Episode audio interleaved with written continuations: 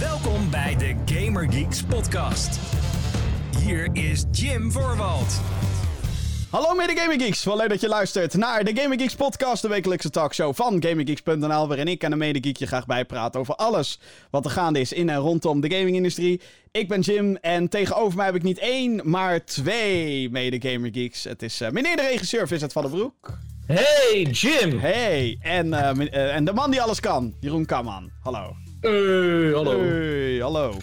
Wat zie je nou voor gekke drugs te slikken? Vitamine D, Jeroen, we hebben straks geen zonlicht. oh man, man. Oh shit, oh god, mijn blikje gaat ook al weg. Godsamme, alles stoot hier om. Oh, wat erg! Man, man, man. Oké, uh, welkom. Hallo. Uh, de datum van opname is 15 maart 2020. Dit is de 122e aflevering van deze show. Uh, en um, ja, deze show dient eigenlijk een beetje als een tijdscapsule ook. Want ehm, een paar uur geleden, op het moment dat we dit opnemen, is... nou, het is nog geen lockdown, hè? Noemen ze het. Maar het is wel zo dat er rijen voor de koffieshop stonden. Want hey, je zou maar drie weken geen wiet kunnen halen. De horecagelegenheden zijn gesloten. Allemaal vanwege het coronavirus. Het is een langzame lockdown. Ze maken ons af. We worden in hokjes gestopt. Jim. dit kan echt niet, dit. dit als, je, kan... als, we, als, je, als we dit terug horen in de toekomst... dan betekent dat we nog leven. en anders, zo niet. Ik hou van jullie allemaal. Oh, Oké, okay, wow. dit jinx ik nu. Dit is nu pijnlijk. Ik stop Het is heel mee. pijnlijk, ja. Plus dat het een serieuze situatie is waar we hier mee te maken hebben, ja. Ja, dat klopt. Het is Dus, serieus. ehm, maar goed, maar wij we zijn, zijn, hier... wel, we zijn nog wel steeds entertainers in deze Daarom. serieuze situatie. Wij zijn hier uh, de afleiding. We gaan het lekker over videogames hebben. Alhoewel ook een beetje natuurlijk over dat verschrikkelijke coronavirus. Want uh, dat heeft natuurlijk ook zijn impact op gaming. En niet zo'n klein ja, beetje ook. Ja, ja. Sterker nog, uh, het was dusdanig, er is dusdanig iets gecanceld vanwege, dat, vanwege het virus. Terwijl Vincent zijn handen insmeert met desinfectant. op de meest overdreven... Ik zou het niet drinken. Dat zou ik niet doen. Dan zou ik nog eerder wc-papier eten. Nee, Vincent. Geen fucking... niet dat ze het grapjes erover maken. Godsamme. Anyway. Godsamme, Vincent. oh, dit kan echt niet. Oh, man. Oké, okay, nou. Ja, het is goed met je. We, ga, we, gaan snel door. De playlist. Vincent, wat heb je gespeeld? En niet nu zeggen, oh, met mijn deo spuitbus. Eh, eh, nee, dat, dat, dat nee Jim. Afgelopen week heb ik Wizards Unite gespeeld. Echt maar waar? ik durf, niet meer naar buiten, ik durf niet meer naar buiten om hem af Samme, dit is zo... ja, en je hebt je voorbereid voor de aankomende apocalyps, volgens mij. Ja, dat klopt. Ja, vertel. Bewust geen toiletpapier ingeslagen, want ik wil het zeg maar, dat echte survival gevoel wil ik halen. Ja. Dat heb ik geleerd in DayZ. Hey, DayZ. Hey, leuk bruggetje. Hey, goed, goed gedaan. Ja, pluimpje, pluimpje. Ja, ja ik heb uh, DayZ gespeeld, Jim. maar dat was wel, uh, dat was wel uh, een week geleden. Ja. En uh, ja, het was, het was oprecht vermakelijk. In het begin speelde ik het samen, speelde ik het samen met Jordi. Toen merkte ik ook heel gauw uh, dat mijn computer echt geen 60 frames per seconde kan, uh, kan afspelen. Dus die beelden niet, zullen jullie nooit zien. Was hilarisch, echt waar. Was hartstikke leuk. We waren echt letterlijk nadat we elkaar drie nou, Het kostte ons drie uur voordat we elkaar vonden. En na drie uur kostte het drie minuten om het te overleven. En toen waren we elkaar weer kwijt.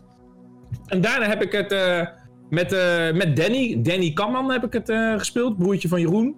Ja, het was, uh, was hilarisch en we zijn nu echt fully packed, fully geared. We, hebben, we zijn nu bij het nieuwe vliegveld zijn we geweest en dat is echt een mega verandering. Het spel, dat, ik moet echt zeggen, het spel heeft echt een gedaanteverandering ondergaan. In het begin dacht ik nog van, oké, okay, je breekt nog steeds je benen bij wijze van spreken over een spoorstation. Ja, want maar ik merk een, nu wel dat het, het, het, het loopt echt een stuk soepeler. Ja. Ik heb ook echt de indruk dat het glitches, dat is echt beperkt. Er is zeg maar niemand die van een vloeitoren afgepleurde en dat soort dingen. Uh, en het, ja, er zit echt een, een, een flink survival element zit erin. Je kan nu ook uh, ja, echt je base kan je, kan je gaan bouwen. Uh, je moet bijvoorbeeld van, je, ja, je kan een beetje dat crafting systeem dat, wat nu best wel dik erin zit, waarin je een fort kan bouwen als je genoeg tijd hebt. Mm. Maar gewoon het hele survival aspect, dat is, dat is ja, dat is best wel, uh, best wel significant uitgebreid. Het is nu zo dat je, eh, nou ja, je, je hoeft niet per se lucifers te hebben, maar je kan van die handdrills maken met racks. Dus dan kan je zeg maar eh, zo'n zo'n boortol maken over hout heen en zo. Ik, eh, ik vermaak me echt en ik ben eh, helaas fully hooked. Oh jee, dus het is weer... eh, je hebt al een paar keer gelivestreamd op de, de live kanalen die er, eh, die er Ja, zijn. dat klopt. Ja, dat, is, eh, ik, ik- dat zijn geen eh, eh, vooraf aangekondigde dingen. Dat is gewoon, ik speel deze als ik er zin in heb. En dat zal misschien deze maand net iets vaker zijn dan anders. Ja, vanwege, nou ja, hè, en dat soort dingen. Niet omdat we dat willen, maar omdat we het moeten. For the sake of everyone. Eh, maar, maar i- i- is het, ik bedoel, wat kunnen ze er nu nog aan doen? Wat zijn de dingen die je nu echt nog verbeterd wilt Ja, zien worden? Want laten we even eerlijk zijn, ik heb Daisy vroeger best wel wat met je meegespeeld nog natuurlijk. Die survival game, één grote glitchy zooi was het toen. Ehm, en nu hoor ik al dat, zeg maar, wat ze ermee bedoelden is nu soort van bereikt, vraagteken? Maar, Ja, die indruk, die indruk heb ik wel. Ik heb wel de indruk dat het. Maar ja, weet je wat het is? Het is. Het heeft zo lang geduurd voordat dat spel uit, eh, uitkwam. Dus het is gewoon echt, voor mijn gevoel, outdated. Het is niet. Weet je, het is geen Fortnite graphics of wat waar je naar zit te kijken. Dus je merkt gewoon aan dat soort, eh, aan dat soort aspecten merk je van oké, het is een beetje houterig hier en daar. Maar het is gewoon minder buggy, het is minder glitchy. eh, en dat survival stuk, dat, ja, dat zit. Iets meer gameplay. Dat survival stuk, dat zit nu wel goed. Ze hebben nu ook, maar ik vertik het zeg maar om er geld in te steken. Want ik weet dat ze nu ook een nieuwe map hebben. Nieuwe standalone eh, variant. Maar ja, daar, daar moet je volgens mij, dat noemen ze ook echt hun de DayZ DLC volgens mij. Moet je 11 euro extra voor dokken. Ja, dat ga ik niet doen. Dat Nee, is Zo'n voor mij, eigenlijk. Nou, ja, dat ze Precies, dat is, dat is, maar dat is ook echt voor mij dus dat echt de grens. En dan hoor je wel, ja, eh, leuk nieuw. Er zijn zelfs beren en berenklemmen die je daar kan eh, zetten en zo. Ja, maar dat ga ik gewoon niet doen. Ik, dacht, ik dacht dat het een soort van recycled Arma map was, maar dan... In Nee, dat is de map die we nu spelen, zeg maar. de Die, originele, eh, de originele Oh. map. Dus die, origi- die map is er nog steeds. Die is wel echt, echt veranderd. Dat die, die, die basis, zeg maar, Jeroen, waar wij in die airport heen gingen. Dat is echt nu een airport. Dat, is, dat, eh, dat is echt gigantisch, is dat nu. Gigantisch legeraspect wat daar zit. Eh, het is nu ook zo dat eh, zombies loot bij zich kunnen dragen. Dus als je een Oh. zombie met een rugtas ziet lopen, dan weet je van nou, die moet je neermaaien, want dan is die rugtas van jou. Eh, ehm, ja, dus het is zeg maar. eh, maar en, en het survival aspect, dat is ook echt. Er zit ook een flinke learning curve zit daarin. Dat als je het voor het eerst gewoon sinds tijden weer speelt, ja, dan hou je het niet lang vol. Maar eten, dat zit gewoon zeg maar echt op verborgen plekken. Dus dat hangt ook als fruit, hangt dat nu in bomen. Eh, zombies die Ah, hebben ja, eh, ja, ja, ja. een blikje pasta bij zich. Dus het eten is er wel. En als je dan eenmaal, eh, als je dan eenmaal een voorraadje bij je hebt, zo snel mogelijk landinwaarts trekken. Ja, ik vermaak me echt. Ik vermaak me echt oprecht eh, met het spelletje. Eindelijk. Helaas. Het is er gelukt, Helaas. jongens. Het is er gelukt. Eindelijk is Ja, de nou, game... zes jaar of zo. Ja, dat heeft echt zo lang... Zo lang heeft dat geduurd... Voordat het uit alpha ging überhaupt. Het heeft Ja, maar, ik, maar weet je wat het probleem is? Ik zal dit spel zal ik nooit als vol, Wat zei je als laatste? ik zal dit spel nooit als volwa- volwaardig meer zien. Voor mij zal dit altijd een early access game blijven. Ja. En ik zal het ook nooit als iets. Ik zal het nooit erkennen als, eh, als, als dat het spel released is. Want ik heb de indruk, zeg maar, dat ook al, ook al is het significant beter. Eh, eh, ja, weet je, het hele proces dat kan gewoon niet. Dus dat moet je ook niet supporten daarin. Nee, maar eh, als je gaat kijken, was eigenlijk de, de mod die van Arma 3 was. Dus de originele, of Arma 2 zelfs nog. De Daisy mod, die is gewoon altijd populairder en beter geweest. En dan kan, dan ook? kan glitchiness, laat maar zeggen. Dan heb je zo'n, hè, het is een mod, het is Ja, een extraatje ja, ja. op zo'n game. Fijn, leuk. Maar nu was het eigenlijk minder goed als die mod voor zes jaar lang. Dat is gewoon gek. Dat is gewoon Ja. gek. Dat is heel raar. Eh, Jeroen, jij hebt ook wat zitten spelen deze week. En eh, heel belangrijk. eh, zeker naar aanleiding van wat er. eh Godsamme. Deze week gaat uitkomen. Ja, ja, je kan bijna zeggen, ik ben aan de ene kant te laat met de game, maar aan de andere kant precies op tijd, want ik heb hem gisteren uit... of Nee, vandaag heb ik hem uitgespeeld. Nee, gisteren. Gisteren heb ik hem uitgespeeld. Ja. Vandaag. Was het vandaag? Oh, Maakt niet uit, je hebt hem uitgespeeld. En Ik welke heb hem ga- uitgespeeld. Welke En, eh, game? ja, Welke vijf game? dagen komt de nieuwe. Ja, Doom, dames en heren. Toen. 2016. Ja, ik heb het poppetje uit de game heb ik hier. Haha, leuk. Hoe vond je Die het? 20 keer vindt in de game. Ja, het- voor de duidelijkheid, mocht je deze podcast nog nooit eerder gehoord hebben, ik ben mega groot fan van Doom zelf. En dan bijna allemaal. Ik vind Doom 3 dan zelf nog de minste. Maar eh, ja, Doom 2016 is toch wel een beetje het voorbeeld van hoe je een, een first-person shooter moet neerzetten, als je het aan mij vraagt. Ja, dat is een goede first person shooter, zeker. Zeker, Qua, qua combat, de flow en zo. Maar goed, eh, ik, ik, en heb, soepel gaat. ik heb daar al mijn hele zegje over gedaan. Eh, Jeroen, ja, zeg maar, want je hebt hem nu helemaal ervaren. Ja, ik vind de visuals vind ik te gek. Ik vind de enemies te gek. Het heeft soms, als je hem zeker wat moeilijker speelt, wat momenten van unfairness. Zo voelt het dan. Maar je kan er, eh, je, het speelt er zo lekker doorheen. En het verhaal is zelfs best wel interessant. En dat is wel Ja. grappig, want er zit er veel verhaal in. Een beetje. Het gaat natuurlijk eigenlijk gewoon om demonen slayen. Maar waarom doe je dat nou eigenlijk? En dat vind ik gewoon heel cool gedaan in deze game. En ik was gewoon echt gefrustreerd aan het einde. Dat er best wel open einde in zat. Dus ik, goh, nou, ik ben blij dat ik over vijf dagen de nieuwe game mag spelen. Ja, dat is wel een dingetje inderdaad. Ik heb vier jaar moeten wachten, bijna vier jaar. Inderdaad. Moeten wachten hierop, ja. Nou nee, ik... eh, Ja, het is zo'n goede game, jongens. Als je dit nog niet hebt gespeeld, ga dat doen. Ehm, want het is, het is in zijn setup eigenlijk heel simpel, inderdaad. Wat je al zegt. Je bent op Mars, er zijn demonen, schiet demonen kapot. That's it. Maar de flow van die combat en wat je allemaal kan doen... en die glory kills, die executie moves... en de balans van de wapens ook... is Ja. zo ontzettend vet. En ehm, ja, over vijf dagen komt dan in het, op het moment van opnemen... komt over vijf dagen de sequel uit, Doom Eternal. En ehm, nou, die heb ik mogen spelen op Gamescom. En nou, volgens mij... Denk dat Vincent dat kan beamen, want die was er soort van bij. Althans, die was erbij toen ik terugkwam van die speelsessie. Mij heb ik eh zelden... Ja, je bent, jij, bent, eh, maar jij bent altijd super enthousiast. Ja, of super negatief. Oh, nou. twee eh, perfectly imbalanced. Twee, twee extremen. Nou, dank jullie wel, jongens. Fijn. Maar als een klein kind uit de snoepwinkel. Ja, dat was het wel, ja. Ja, nou ja, tof dat je het ook hebt meegemaakt. eh, eindelijk.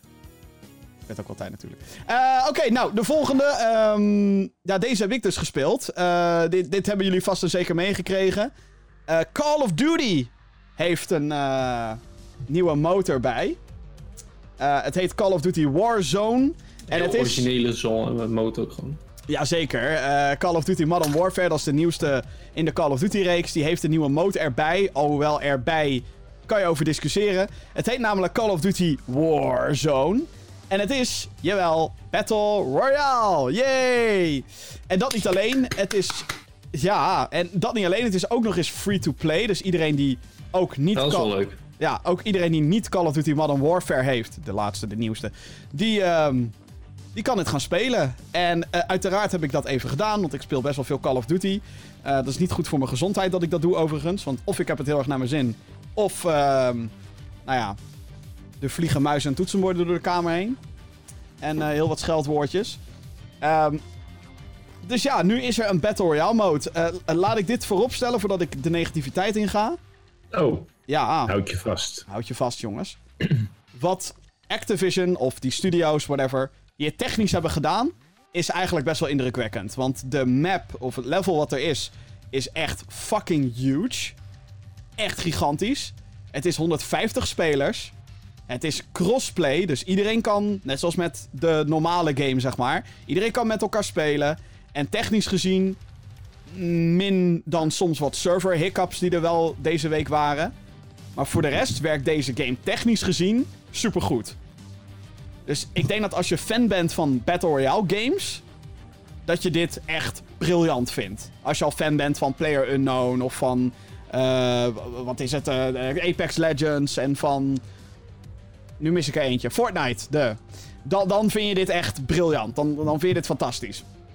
De manier hoe ze bijvoorbeeld de, de killstreaks hebben eh, ingevoerd. Eh, je kent natuurlijk wel het oh, UAV. En dan kan, kan je iedereen op de radar zien. Je kan gebruik maken van je loadouts. Je kan ehm, voertuigen gebruiken. Nou, al, al die vette shit van Battle Royale zit erin.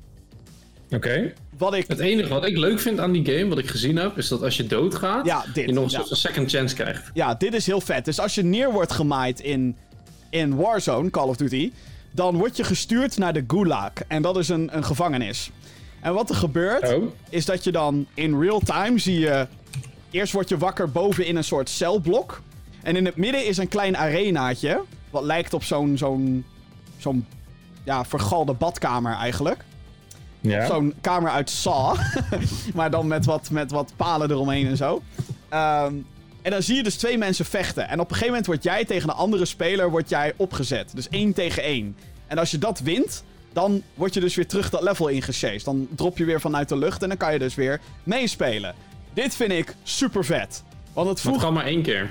ja, dat kan maar één keer. Als je daarna, als je na die keer, hè, stel je wint dat duel en je wordt weer teruggeroepen in het level. En daarna ga je dood, dan is het wel voorbij. Of althans, huh?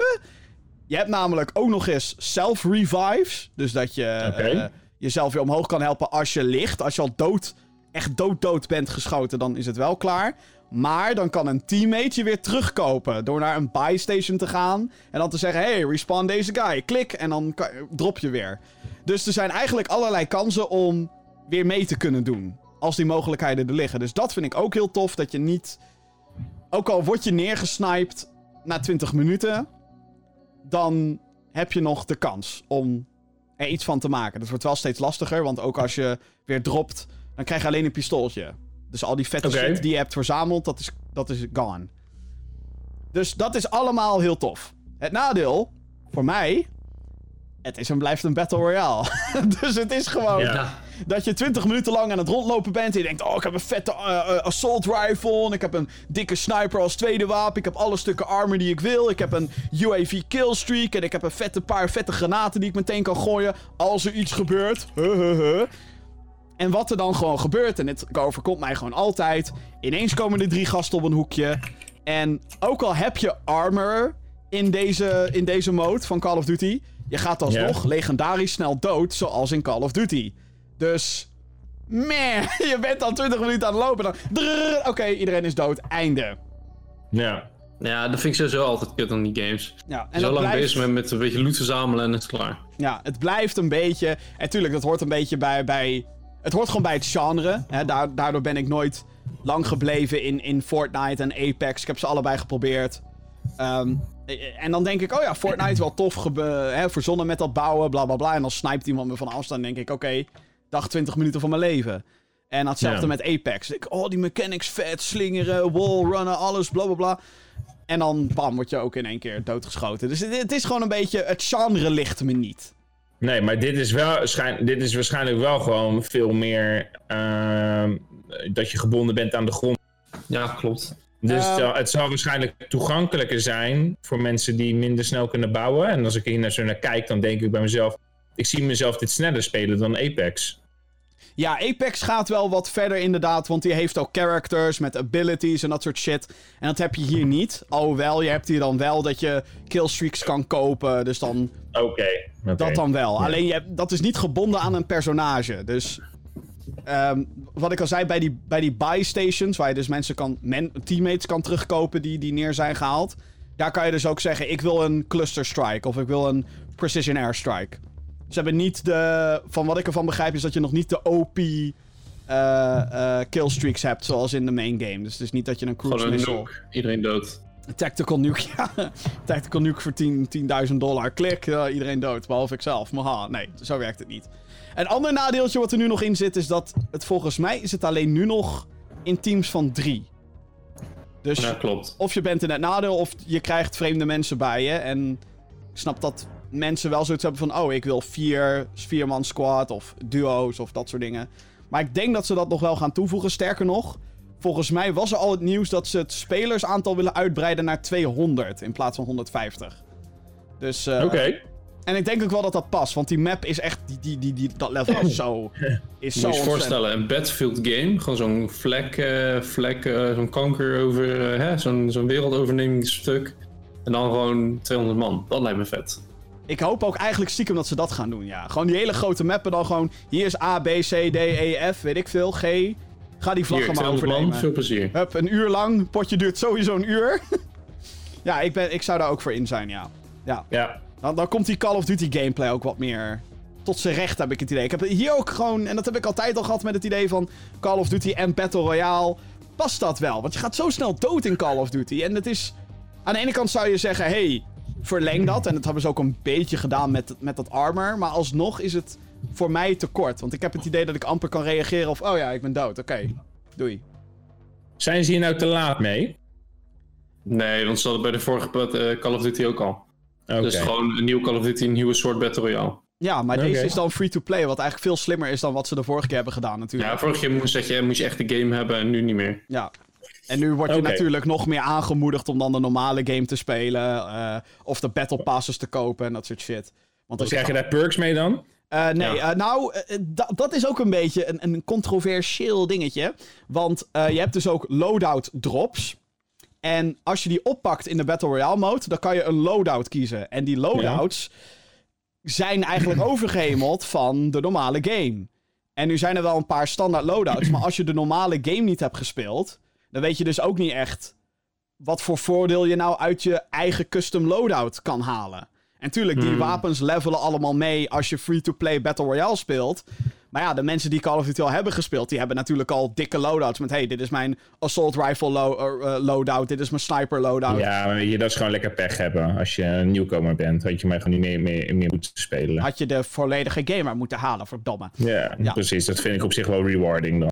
Ja, en, de, en, de, en de Battle Pass, dat zijn allemaal cosmetische dingetjes. Van, van character skins tot emblems tot sprays die echt letterlijk niemand gebruikt. Maar goed.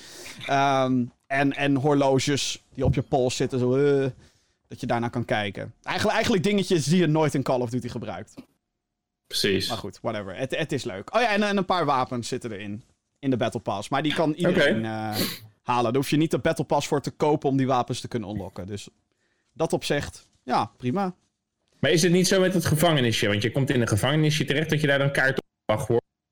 Eh, nee, nee, nee. Eh, in, het, in, in de gevangenis, die werkt volgens de zogeheten gunfight mode. En de gunfight mode is zo dat iedereen een, eh, dezelfde loadout krijgt. En dat is random.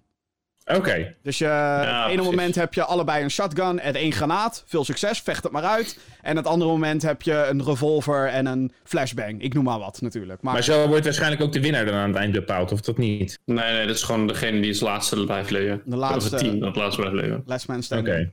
Oh ja, en, en op een gegeven moment is het trouwens ook zo dat de gulag wordt afgeschaft. Als er nog 30 spelers over zijn, geloof ik, iets in die trant, dan Ja. is de gulag ook niet meer available. Dus dan is het niet meer zo dat je je nog kan terugvechten. Maar dat zijn allemaal van die kleine gameplay details. Het is heel tof. Volgens mij is het al een groot succes. Ik ben benieuwd of ze dat succes kunnen behouden.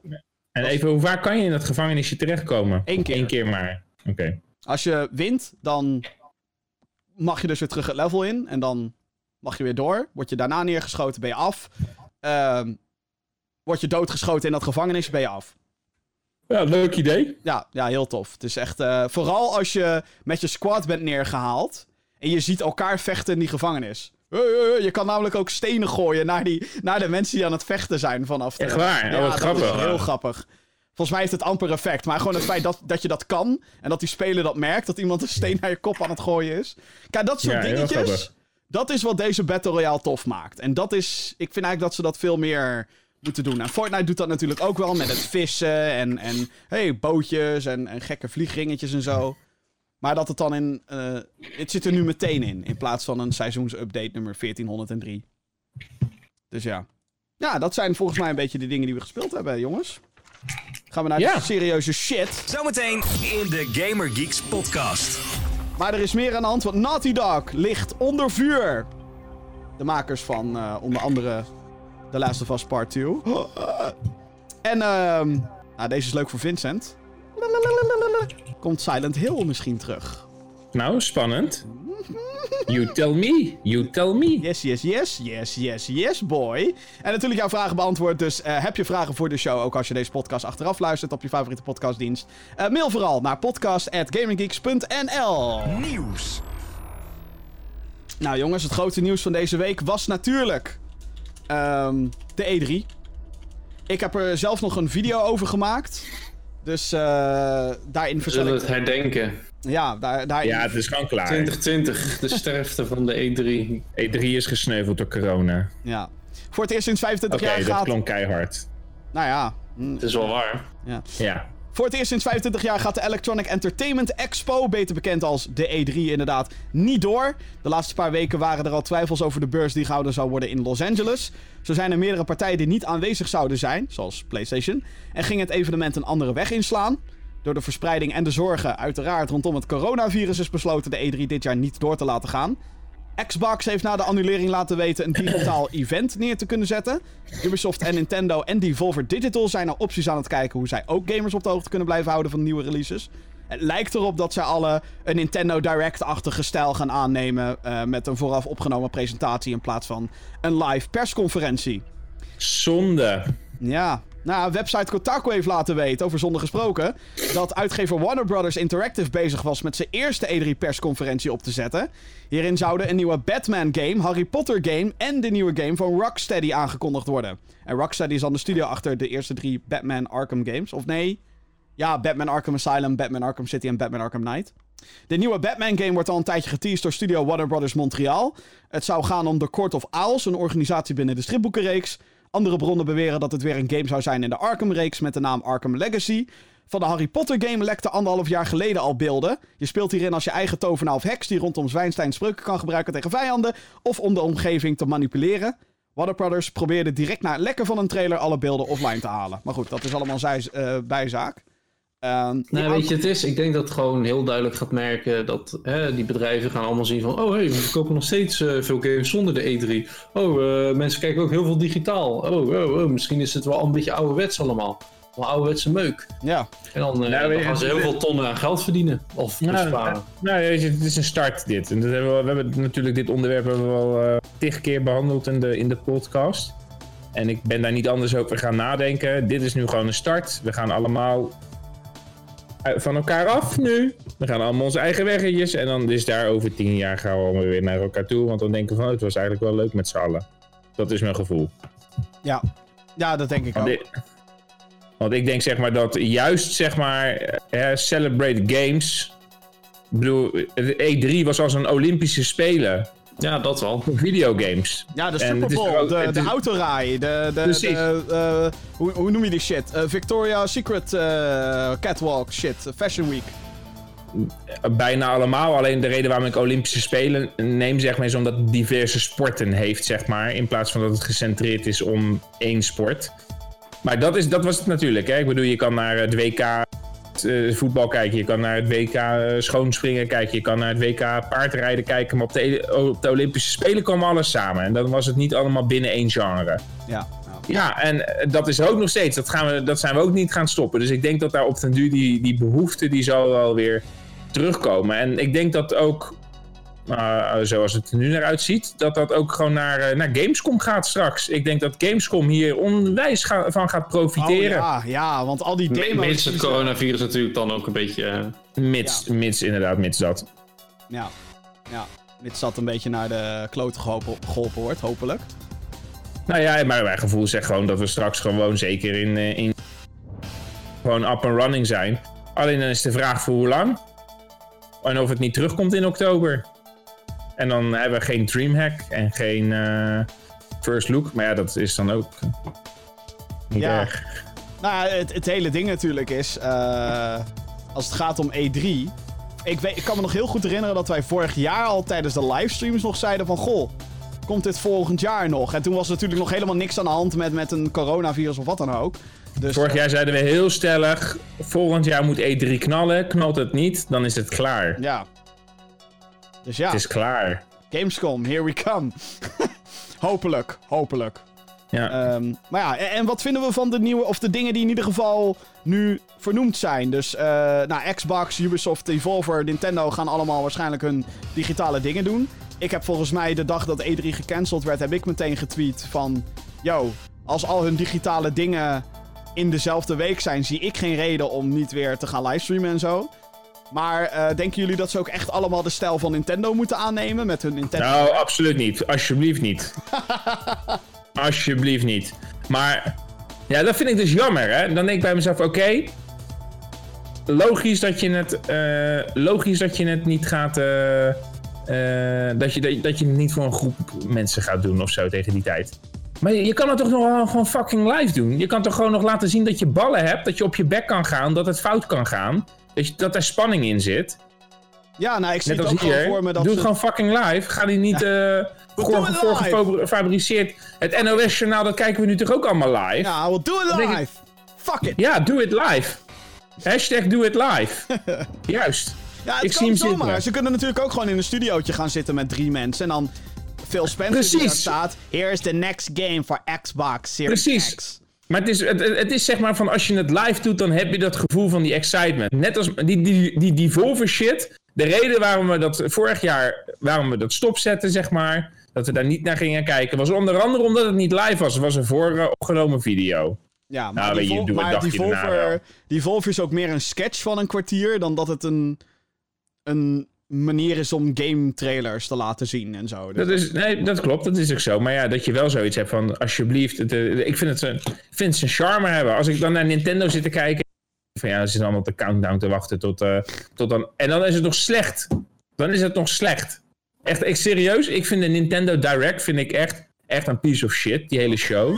ik vind het echt, ja, ik vind het echt, ik vind het schandalig dat een bedrijf dat zoveel geld heeft, zo'n slechte marketing heeft. Afgelopen week weer, nu ga ik me op zitten vreten. Ja, dan komen ze met een of ander fucking Instagram filmpje, Nintendo Nederland. Ga maar naar je Instagram toe, over een of andere Instagram filter met een Bulbasaur boven je kop. En dan denk ik bij mezelf, zie je niet hoe fucking lelijk het is wat je hier aan het produceren bent? En dat is mijn visie van bijna alle marketing van Nintendo als Nintendo bedrijf. Niet zozeer de trailers van hun videogames, maar hun marketing is echt shit. Het ziet er niet uit, het is lelijk, het is goedkoop. Daar wordt echt flink op bezuinigd en dat zie je ook in die hele Nintendo Direct.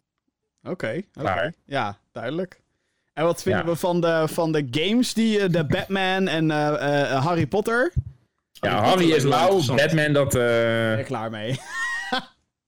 Ik heb nooit die andere games gespeeld, dus ik heb liever die Harry Potter inderdaad. Oh my god. Het is zo'n aanrader. Die Batman Arkham Asylum vooral. Geen tijd Ja. meer voor. Fijn. Hoezo? Geen tijd meer voor, jongen. Je hebt een maand huis Ik niet hoor. Ik moet gewoon werken. Oh, Ja, wacht man, maar. man. Ja, oké, oké, oké. Maar de ruimte gaat voorlopig niet dicht. En als het dicht gaat, moeten er sowieso nog steeds beveiligd worden. Dat is een beetje een nadeel. Nou, wees blij dat je nog werkt, hebt- werk hebt. Zo. pff. Ja, in ieder geval geld ja. Ja, dat inderdaad. Eh, nou, dan gaan we even door, want het Britse evenement EGX Rest gaat ook niet door. Dit evenement, die bedoeld is als showcase voor indie-titels, zou over een paar weken gehouden worden. Maar is nu uitgesteld naar de zomer. Dus of dat dan uiteindelijk doorgaat, moeten we ook nog maar zien. Eh, wanneer we het evenement precies kunnen verwachten, nu is nog niet duidelijk. Ook natuurlijk naar aanleiding van de verspreiding van het coronavirus. Ja, weet je, dit is dus gewoon meteen het volgende probleem. Alles gaat naar de fucking zomer toe. Dat gaat echt een shitshow worden ook. G- shitshow. de, de, de GDC die naar eh, de zomer toe gaat. Dit evenement wat naar de gaat. Iedereen die denkt dat ze... We gaan straks het hele oktoberprobleem gaan we weer krijgen. Dat we moeten gaan kiezen tussen Dreamhack en First Look en eh, Gameforce. Bel- België-event. Inderdaad. Gameforce, dank je. Toch? Ja, Gameforce, ik zei het al. Ja. Moeten, we nog, moeten we nog meemaken. Dus, eh, eh, en, dan, en dan Comic Con. Dat was allemaal in Week. oktober. En nou gaan we dat hier met die grote evenementen gaan we dat pushen. Alles naar de zomer toe. Ja? Je kan gewoon maar beter zeggen van jongens, laten we of samen even iets gaan, eh, gaan fixen. De Comic Con GDC show of wat de fuck ook. Maar je kan elkaar maar beter gaan opzoeken daar. Want je, je gaat echt concurreren met elkaar. En dat is niet handig, denk ik. Nou, als er inderdaad te veel eh, dingen zijn, dan komt het niet goed. Dan, ja, dan gaat dat elkaar Niet, meer bijten. eh, maar- niet, dit, en dat zijn dan al drie evenementen. Drie, dat is klaar. Maar Gamescom, dit en dan. eh, en ja, GDC is ook niet in Europa, laat maar. Ja, en GDC is ook een heel ander soort event natuurlijk. Hè. Dat is echt meer bedoeld voor partners, als in eh, ontwikkelaars. Ja, maar je, gaat wel, maar je gaat wel trekken. En je gaat wel, je, je gaat wel aan elkaar trekken. Nou, dat hoop ik Je niet. moet, je, moet keuze, je moet keuzes gaan maken. Het is hetzelfde met games. Je kan een eh, Animal Crossing of een Doom Eternal allebei vet vinden, maar je gaat op een bepaald moment je geld moeten splitsen. En Ja, dus ook met die evenementen al is het een heel precies. ander, heel ander onderwerp. Ze zijn in hetzelfde tijdperk en je, als het beide interessant vindt, dan ga je dus heel veel mensen krijgen die dan voor de een kiezen of voor de ander. Nooit Precies. allebei- Maar, maar ook gewoon de indies, zeg maar. Ik bedoel, jij werkt voor een aantal indie-partijen. Gaan die straks en naar Gamescom en naar San Francisco in die korte periode? Nou, ik weet het niet, hoor. Ik, eh, ik bedoel, ik ga niet al te veel zeggen natuurlijk wat er bij mijn werk Nee, snap is, ik. Maar ik weet wel dat één partij die ging zowel... was van plan om wel naar GDC te gaan en naar EGX. En dat gaat nu natuurlijk allebei niet door. Ehm, maar die combi viel al zeker te maken. Maar in dat opzicht was het ook van... Hey, als we dan deze maand naar events gaan, dan gaan we ook all in. Ehm, maar dat wordt inderdaad gewoon... Maar het lijkt me ook een hele dure grap om alles ineens te gaan reorganiseren. Nou, dat bedoel ik. En, en dat soort dingen te doen. En nogmaals, kijk, GDC zie ik dan nog wel gebeuren op kleinere schaal. Dat zie ik niet gebeuren zoals het natuurlijk eerst van plan waren. Ehm, en ja, daarom ben ik ook soort van blij, tussen aanhalingstekens, dat E3 in ieder geval heeft gezegd... eh, we gaan gewoon niet door dit jaar, punt. Die hebben niet gezegd, we komen terug in de zomer of zo. Die hebben gewoon gezegd, doei. Want Gamescom ligt dan toch al op de loer, zeg maar. Dus dan weet je toch... Mhm. Ja, goed. Ja, nou ja, goed. Ook EGX dus ehm, naar de klootje. Wat, ja, trouwens heel lang duurde nog voordat zij eh, de boel gecanceld hebben. Maar ja, dat. Schrijver van website Kotaku, Jason Schreier, heeft een artikel gepubliceerd... waarin hij met een aantal ontwikkelaars en oud-ontwikkelaars sprak van studio Naughty Dog. Studio staat voornamelijk bekend om de Uncharted en The Last of Us franchises... In het artikel wordt omschreven hoe overwerken onderdeel is van de studiocultuur. En alhoewel er goed voor de medewerkers gezorgd wordt, het leidt ertoe dat velen aan een burn-out lijden en besluiten de studio te verlaten. Zo zijn er 14 van de 20 designers vertrokken sinds de release van Uncharted 4 in 2016, hun laatste game voor The Last of Us Part 2, die in mei uitkomt. Volgens Schreier ontbreekt er bij Naughty Dog een productieteam die projecten in goede banen kan leiden. Hierdoor zou het perfectionisme aangewakkerd worden omdat elk team, teamlid in feite zijn haar eigen schema bepaalt. Neil Druckmann, leidinggevende bij het bedrijf, heeft omslachtig via tweets gereageerd.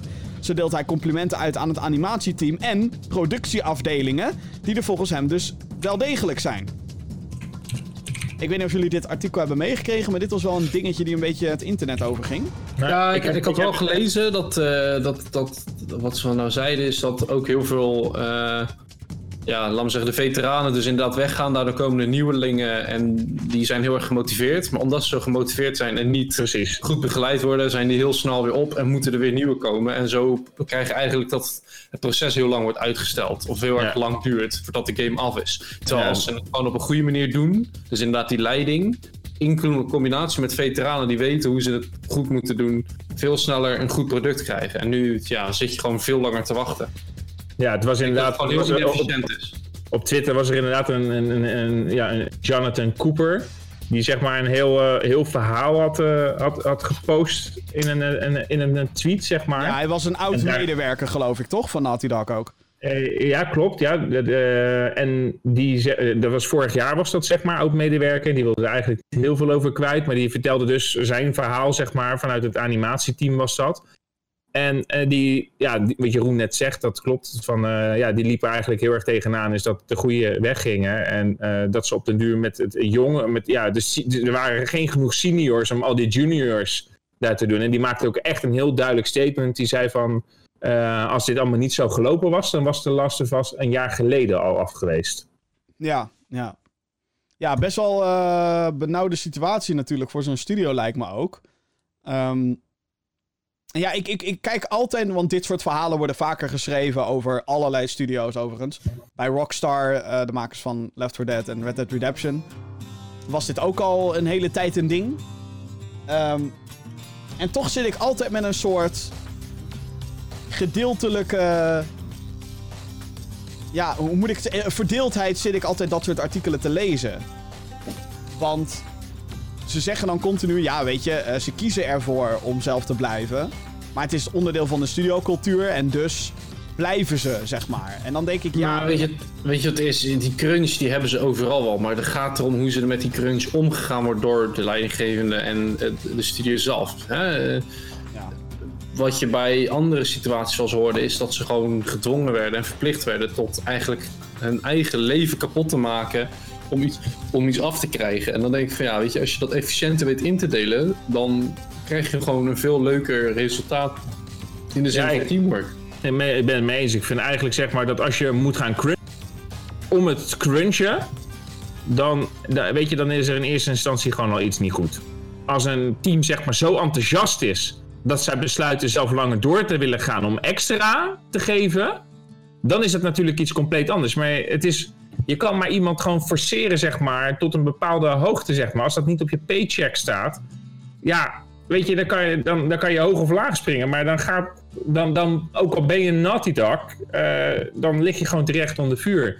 Ik denk van als je, eh, als je passie hebt en je gaat vanuit die passie, ga je langer door en geef je alles. En dan spreek ik echt vanuit ervaring, vanuit mezelf, zeg maar. Ik geef ook graag dat beetje extra. Ik wil ook graag drie of vier, vijf uur langer aan een project doorwerken, zeg maar, als ik het gewoon heel goed wil maken. Maar als dat zeg maar een verplicht randje is en, dat, en het hoort bij je baan. En ik vind dat altijd met het crunch. kan- Dat kan toch, het is toch achterlijk. Ik heb ook voor een, eh, voor een, eh, game of, eh, voor een developer team heb ik ook eh, ge- gewerkt. En daar zie je gewoon het verschil zeg maar, tussen een producent die gewoon eigenlijk opdwingt van ja, crunching dat hoort erbij. Hè? Nee, dat hoort er niet bij. Je moet gewoon als producent moet je er gewoon in eerste instantie gewoon voor zorgen dat je dat team gewoon genoeg tijd geeft om dat te doen en gewoon realistische goals te zetten. Ja, en als je dan een plan maakt en je komt dan uiteindelijk niet met die goals af, ja, dan moet je goed met elkaar in gesprek en kijken waar die verantwoordelijkheid ligt. Als Maar je- weet je wat het probleem ook een beetje is? Is dat, dat eh, er zijn zoveel mensen in die wereld willen werken en kunnen werken. Dat zo'n studiopartner zegt, oh je, je doet niet mee met de crunch? Je baan is weg. En heel veel van die mensen, en dat is ook gewoon bang. En die gaan gewoon die crunch in, omdat ze hun baan niet kwijt willen. Omdat ze hun geld nodig hebben. ja, En ja, dit, Gewoon, dat is, gewoon weinig zekerheid hebben. En dan denk ik van ja, dat is gewoon echt gierig. En dan ja, dat zo'n studio daar dan voor aangepakt wordt. En daar wat dieper naar gekeken gaat worden van hoe, eh, hoe is dat daar gegaan. Ja, dat vind ik niet slecht. Ja, of je moet gewoon, maar ja, weet je, dan klink ik daar misschien. Maar of je moet gewoon als, eh, als medewerker toch je poot stijf houden. Ja. Want je, het, is, het, is, het, is niet, e- het is gewoon met z'n allen tegenover het bedrijf. En als je met z'n allen. eh, Daarvoor heb je toch fucking stakingen en eh, vakbonden. En dat is natuurlijk Nou, niet dat, is, overal. dat, maar- dat is het grootste discussiepunt in de, zeker de Amerikaanse ehm developer scene, zeg maar. Er is geen vakbond voor gameontwikkelaars. Die bestaat gewoon. En ze hebben ook niet. En ze hebben ook pro- projectmatig contract en niet eh, voor de studio. Dat meestal, inderdaad. Dus die, die vakbond bestaat gewoon niet. Eh, waardoor heel veel mensen natuurlijk schreeuwen dat die er juist wel moet komen. Ja, dat snap ik. Dat Ja. kan me voorstellen.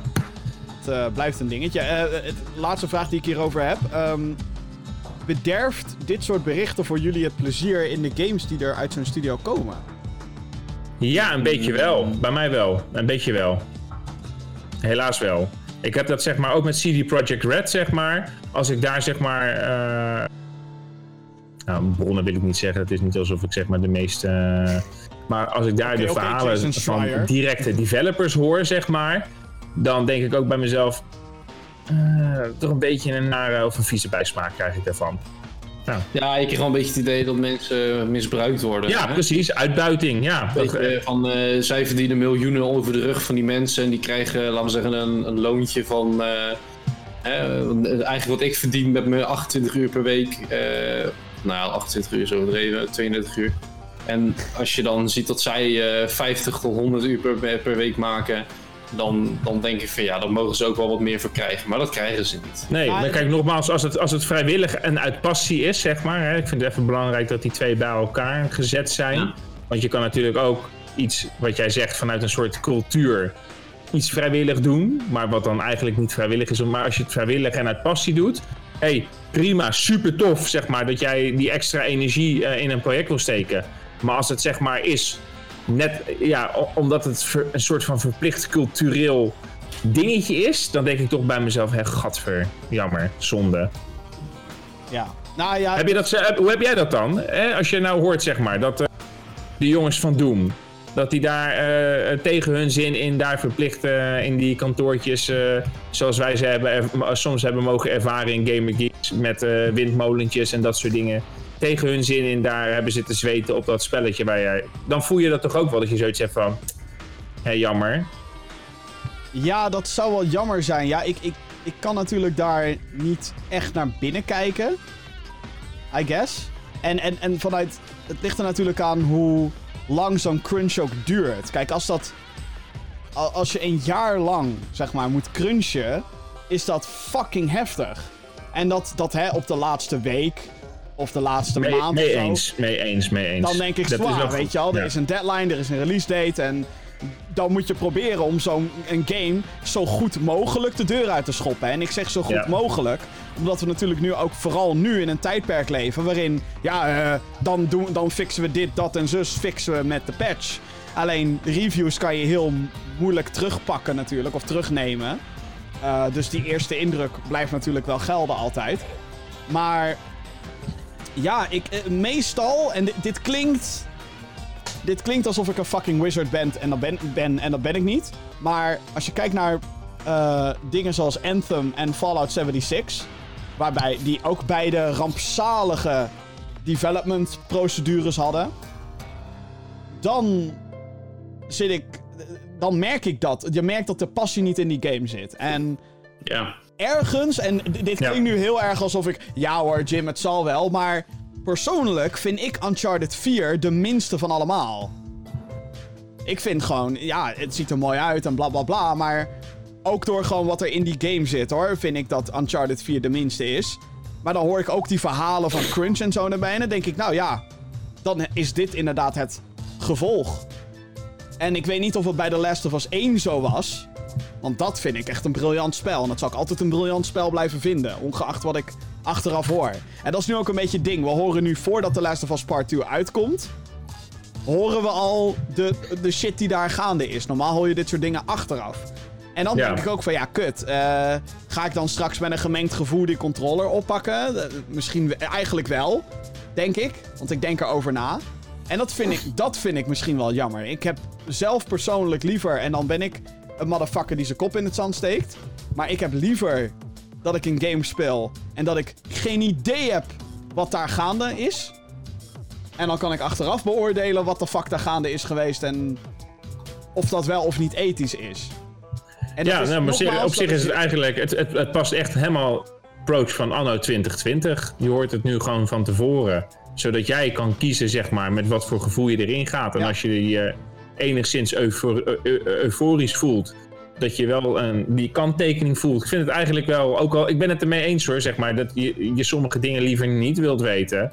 Ja, eh, als het eenmaal out there is, ik bedoel, ja, het afspelen van Michael Jackson, dat is vandaag de dag zorgt dat ook nog steeds voor een tweestrijd bij, eh, bij mensen. Beoordeel je het op de, op de artiest of beoordeel je het op, op de uitvoering? Eh, kijken naar Kevin Spacey en House of Cards, dat is ook nog steeds een, een, een tweestrijd, zeg maar. hey, kunnen we dat niet meer kijken? Of is dat eh, eh, genieten van goed acteerwerk? En dat is met een videogame en dit soort verhalen idem dito. Alleen is het, een, is het zeg maar in plaats van wat die, die, de, de hiervoor genoemde scenario's, dat betreft dan één iemand en één keer een performance, zeg maar. Dit, zijn, dit is een hele grote groep mensen, zeg maar. Ja, ja. Nou, dat is ook bij films natuurlijk zo. Precies. Maar ja, ik- dit is even dan een heel Ja, maar ik, ik denk dat, hè, zoverre is het natuurlijk wel een onderdeel van die industrie.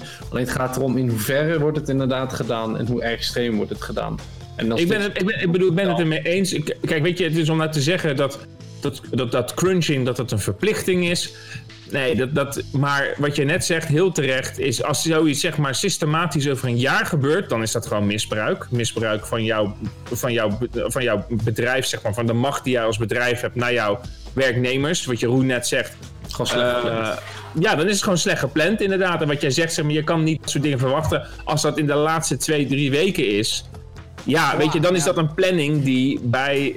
eh, in, die zeg maar, Maar- niet.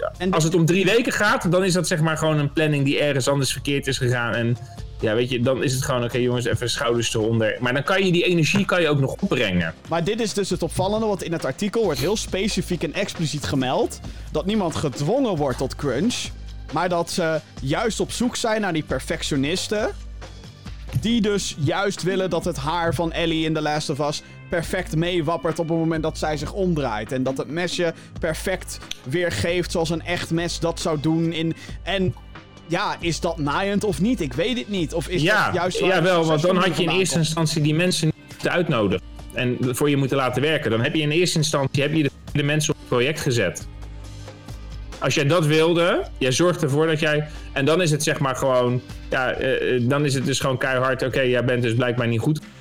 En dan moet je wieberen in dat bedrijf, zeg maar. Of je hebt niet de juiste standards. Maar is, Maar ze willen dus eigenlijk gewoon dat je standaard overwerkt. En dat is een beetje gek. Nou, dat, dat wordt beetje dus, gek. er wordt dus juist heel expliciet in dat artikel aangegeven dat dat niet hoeft. Maar dat de cultuur inmiddels zo is dat. ehm, en volgens mij werd dit ook letterlijk omschreven dat. Ja, eh, als iedereen om 7 uur nog zit. dan ga jij niet als eerste opstaan en weglopen. Nee, maar dat is dus een cultuur heel- die je dus ja. samen in stand houdt. Ja, en dan moet je gewoon En dan moet je dus gewoon de ballen hebben. En, nou, kijk, weet je, het is voor mij ook tegenstrijdig, hè, want ik ben zelf ook gewoon baas in die zin. En als mensen voor mij werken, wil ik ook dat ze het uiterste uit gaan halen. Dus Jeroen, ga je editen? Grapje.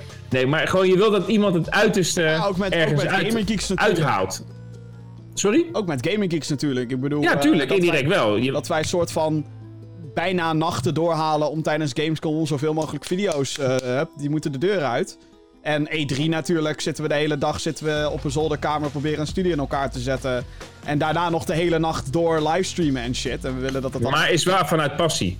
Ja, dat is waar. Ja, we worden er niet voor Dat is, betaald. van- eh, eh, dat, is, dat is vanuit passie. Een Helaas. stukje wat je, wat je daarin wilt doen. En dat is hier ook, zeg maar. Als jij dus als werknemer die haren van Ellie wil doen, weet je, dan moet dat dus een perk zijn. Want als, als dat is, zeg maar, waar Naughty Dog naar streeft, naar dat perfectionisme, zeg maar.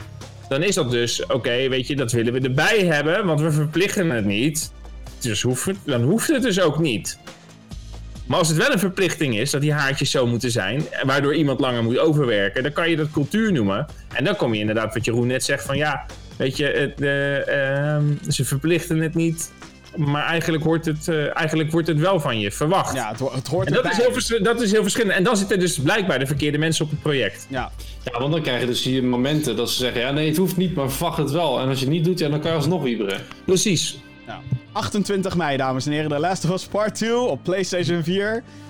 Eh, het spijt me heel erg naar de ontwikkelaars als ik zeg dat ik er alsnog fucking veel zin in heb. Nou. Eh, ander nieuws dan, Eh, wellicht wat vrolijkers. Althans, weet ik niet. Ik hoop het. Ehm, Lego heeft in samenwerking met Nintendo een opvallende nieuwe bouwset aangekondigd. Het bevat eh, Lego Super Mario. En het is geen standaard bouwsetje met... Oh ja, je hebt gewoon standaard Lego blokjes. Maar dan met een Mario skin. Eh, Mario is namelijk in, eh, in dit geval een grote Lego pop. Eh, die via Bluetooth eh, verbinding maakt en geluidjes maakt. En een paar schermpjes en dat soort dingen. Deze kan reageren wanneer deze op bepaalde andere blokken geplaatst worden. Zoals Lego Goomba's, eh, Lego vraagtekenblokken en vuurblokken. Ook zit er een timerfunctie op, zodat je weet wanneer het level voorbij is. En er is ook een vlag trouwens, in Mario-stijl. Met de andere blokken kunnen dan levels en dus ook vijanden gemaakt worden. Wanneer de set verschijnt, dat weten we niet precies. Wel komt het dit jaar. En hoe duur dit hele geintje zal eh, worden, is ook eh, onbekend. Nou ja, dat is eh, een Lego en Nintendo, die prijsjes. Dat gaat niet voor minder dan 50 over de toonbank. eh. Nou, ik denk dat eh, setje. als je die Lego-pop hebt met dat hele leveltje wat ze in een filmpje hebben laten zien... dan denk ik toch echt wel dat je boven de 100 zit eh, met dit... eh. Dan denk ik dus dat je beter gewoon de fucking game kan kopen. ja, dan heb je gewoon meer- dan heb je gewoon meer levels. Mario- of gewoon zelf een Mario bouwen. Ja, maar dan Ja, heb je dat maar- Bluetooth niet. Ja, dan heb je niet de... Dus, eh, dus zeg dat maar tegen als je een kind zou hebben. En die komt naar je toe. Ja, pap, mam, ik wil graag hè, Legootje, ik wil graag Mario Lego. En dan zeg je, je hebt genoeg Lego, bouw maar zelf. Ja, maar dan kan ik het level niet spelen en ik heb de Bluetooth niet. Weet je, dat ga je krijgen. Ja, Ja, nou, en, en dan moet je gewoon goed opvoeden. Nou, dan koop je het zelf maar. Ja, precies. Ga maar sparen. je hebt zakgeld. Nou ja, het is wel... eh, ik vind het wel tof dat ze dit zeg maar doen in een... Ziet er wel een beetje weird uit. Het ziet er weird uit, maar Ja. ik vind het wel tof dat het zo'n poging is om speelgoed en gaming te combineren. Ja, Een beetje dat... maar het is nou... Het is zeg maar wel dat ik vond dat, dat, dat, dat ja, weet je, die, je, je hebt ook die Nintendo of die Lego Creations, zeg maar, die vanuit die fans komen. Ja. Daar hebben ze natuurlijk ook dat Zelda-stalletje. Dat vind ik echt heel dope. Dat vind ik zeg maar Ja. gewoon, ja, weet je, dan wil ik het Nintendo Lego wil ik wel halen. Maar ik hoef nou niet naar zo'n eh Nou ja, ik vind, ik vind het aan de ene kant... Ik denk, dat, Amiibo eh, te kijken. ik denk dat dit gewoon ook een eis is geweest vanuit Nintendo. Zo van, ja, Ja, dat is het, ja. eh, leuk dat jullie like, een Mario-setje willen bouwen. Hartstikke leuk, maar er moet iets unieks mee gebeuren. En iets wat bij Nintendo past. En oh, samen spelen. Oké, nou, dan hebben ze dit ja verzonnen. gewoon Amiibo. Het zou wel lauw zijn als het ook echt een Amiibo zou Ja, nee, het, is, het zijn... Nou, ja, ik weet niet of die functionaliteit erin zit. Ik denk het niet. Want wie de fuck gebruikt er nou nog Amiibo-functionaliteit vandaag de dag? Ik bedoel, ik heb ook een paar Amiibo's. Ik heb laatst ook een nieuwe gehaald. Maar ja, ze staan er... Voor, of ze, ik heb ze gekocht om op de plank mooi te staan. Niet om op mijn Switch te droppen. Van, oh, heb ik een extra leven. Of ben ik dan de enige hier in dit gezelschap die... eh, Nee, ik heb echt nog nooit een Amiibo gebruikt. Oké, maar ik heb ze nooit. Ik, heb, ik weet niet eens hoe je hem in moet scannen op je eh, Switch. Eh, op je rechter Joy-Con, geloof ik. Nou, Er zit een dingetje inderdaad. Ja, rechter inderdaad is het. ja. Fijn, dank je. De home, de home knop. Eh, ja, dan wat anders. Eh, ja, dit vindt Vincent denk ik fantastisch. Oh! Doe even een tongetje, Jim. Oh, het tongetje.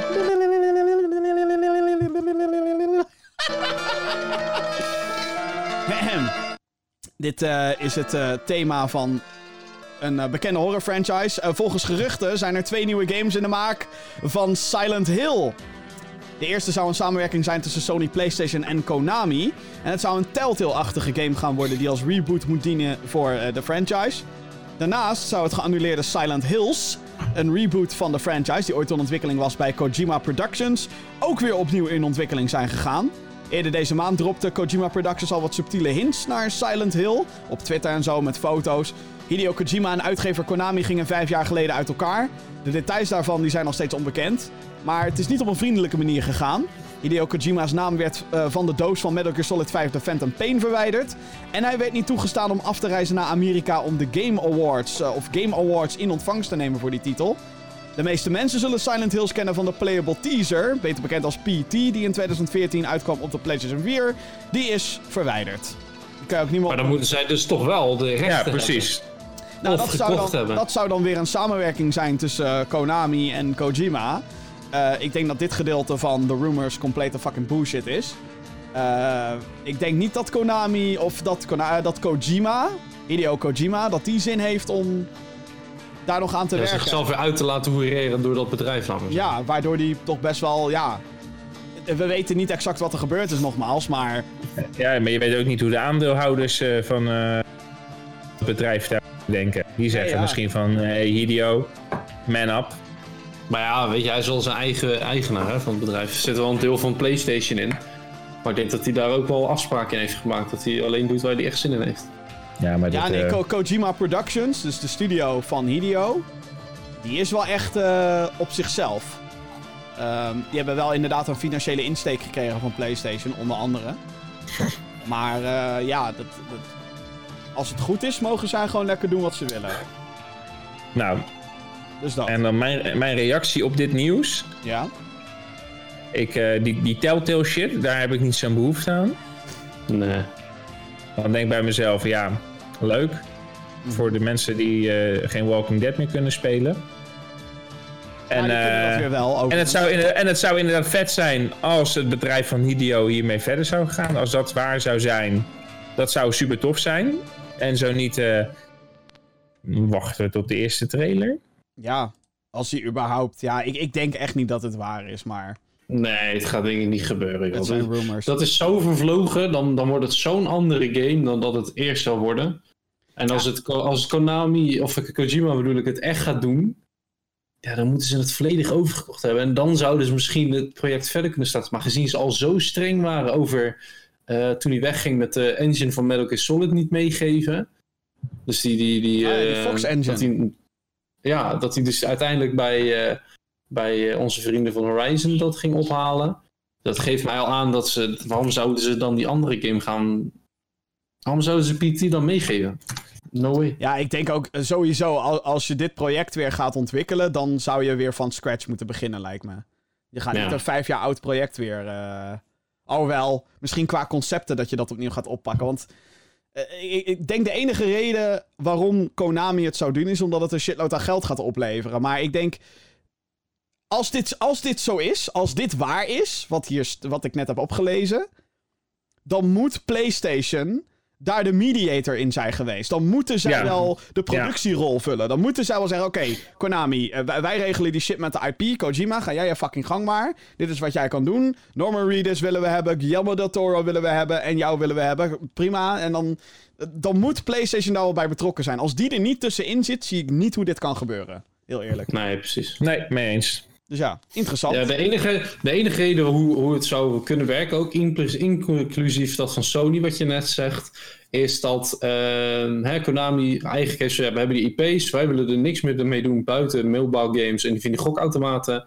Eh, maar als jij volledig financiële zorg ervoor draagt dat die game gemaakt wordt en wij hoeven er geen cent aan uitgeven en we verdienen er alleen maar mee, alsjeblieft. Ik denk dat dat nog zou kunnen. Ja. Dat ze heel, op die gierige manier gaan doen van, hè, jij betaalt miljoenen, wij niks en wij krijgen miljoenen, prima. Ja. Ik denk dat dat, eh, dat dat de deal is als het doorgaat. Ja, nou, dat, dat soort situaties bestaan wel. Want zonder Nintendo was Bayonetta 2 nooit een ding geworden. En Bayonetta 3 ook niet. Dus misschien, wellicht op die manier dat het eh, dat is iets... En Death Stranding natuurlijk ook. Zonder de financiële insteek was eh, Kojima... Oh wel, ik denk dat mensen in de rij stonden om hem te helpen. Dus in dat opzicht. Ja. Ja, ja. Even over die andere, Oh, over ja. die andere franchise. Welke andere franchise? Resident Evil 3, de remake. Oh, we gaan even naar een andere horror, ja. Ik denk dat die uitgesteld gaat worden. Want? Ik denk vanwege corona dat zij eh, zoiets hebben van... eh, releasen. Oh, eh zou disrespect, bla bla bla. Ja, hmm. Dat zou wel wat zijn als ze dat nu nog last minute zouden doen. dit is, dit, dit- is voor de rest geen, geen die ik ergens gelezen heb. Hè? Maar ik zat hier paar dagen al over na te denken. Dat ik dacht van... eh, ik weet het niet of april 3 daar een, eh, een, eh, een goed moment voor is. Hmm. Hmm. Dat zou, dat, ja, dat, maar dan zouden ze dat echt deze week moeten aankondigen. Je kan het anders bijna niet meer maken om... nee, dat, nee, dat klopt. Ja, precies. Ja. Maar, ge- maar gevoelsmatig. ja, ja, ja, dit, is gewoon een, sugge- dit is gewoon een theorie van jou, een suggestie. Ja. Ja. Ja. Ja. Hm, interessant. We gaan het zien. Zou iemand gezegd hebben. Ehm, ja, dit, dit, dit, dit kennen jullie. Althans, ja, de IP kennen jullie wel. Maar de rest, dat eh, zegt jullie waarschijnlijk helemaal niks. Maar. eh Night Dive Studios heeft aangekondigd. Een oude point-and-click adventure te gaan remasteren. Eh, remasteren. Het gaat hier om Blade Runner uit 1997. Ja, dames en heren, we zijn oud. De game stond in het genre bekend om zijn goed geschreven verhaal en revolutionaire graphics. Eh, het origineel die werd gemaakt door eh, Westwood Studios, die bekend stond om de Command Conquer reeks. De Enhanced Edition, zoals de nieuwe release gaat heten, eh, gaat alles oppoetsen en komt uit voor PC, PlayStation 4, Xbox One en Nintendo Switch dit jaar. Ik vond dit dan opvallend. Ik zag heel veel mensen ineens eh, berichten sturen van... Oh shit, dat heb ik vroeger gespeeld. Fantastische game. En weer opnieuw. Nou ja, ik heb die game nooit gespeeld, maar het zal wel. Ja, wel leuk leuk dat ze dat doen natuurlijk. Ja. ja, ik bedoel, ik vind het ook wel tof eigenlijk dat ze weer gewoon een oude uit de Kijk, ik vind het leuk dat ze een Command Conquer doen en dat soort dingen. En, ik begrijp dat mensen die deze game hebben gespeeld, dat die nu in een nieuw jasje gestoken wordt, dat dat ook prima is. Ja, dat, Ja, zeker omdat natuurlijk. Blade Runner de laatste paar jaar weer in het, eh, in het zonnetje staat, dankzij de nieuwe film. Eh, die ik nog steeds niet gezien heb. Oh, schaam je Jim, oh, schaam je. Ja, ik weet het. oef. Ja, I know. maar alsnog. En vooral dat het een point-and-click adventure game is die ze gaan remasteren. Wat? Wat? Dat is echt een dood genre, zeg maar. Maar ja, daardoor nog interessanter dus. En van eh, die serie gemaakt door, ehm, door Westwood gaan we naar een andere. Eh EA, EA heeft meer details bekendgemaakt rondom de Command Conquer remasters. Dat is trouwens Conquer in de, in de zin van veroveren.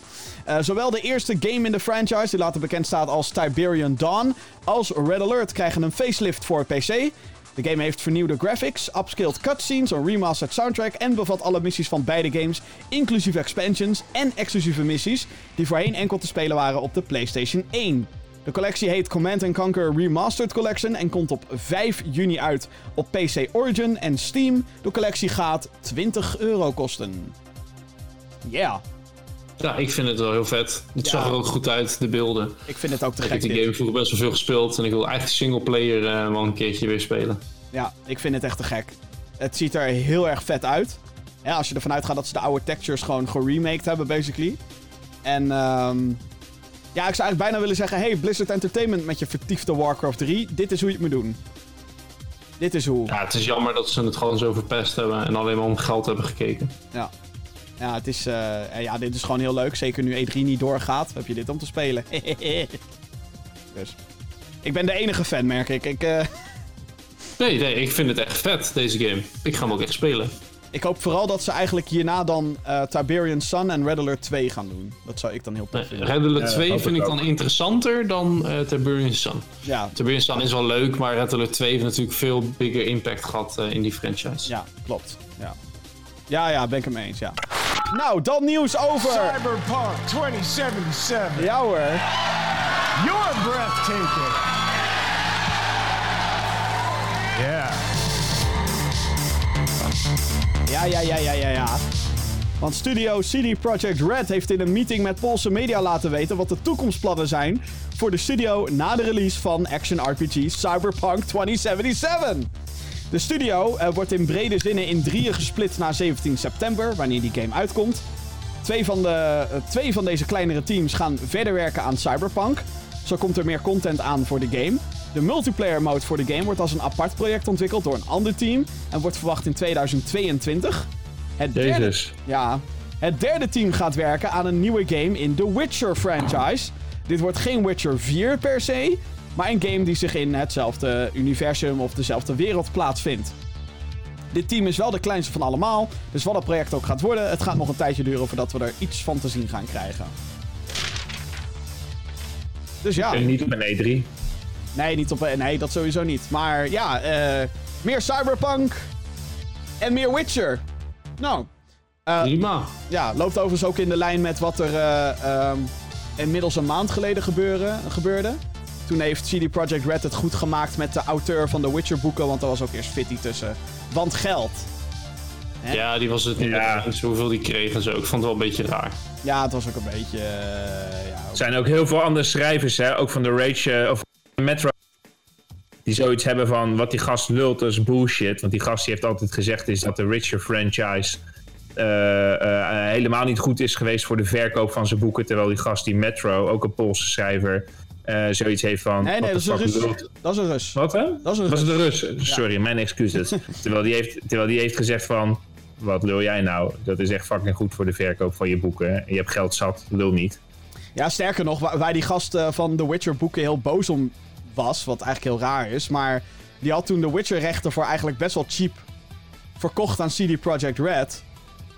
Natuurlijk nooit, had, hij had nooit aan kunnen zien komen dat die franchise zo groot zou worden. En ja, die had zoiets van... Ja, die gasten zelf toch ook niet?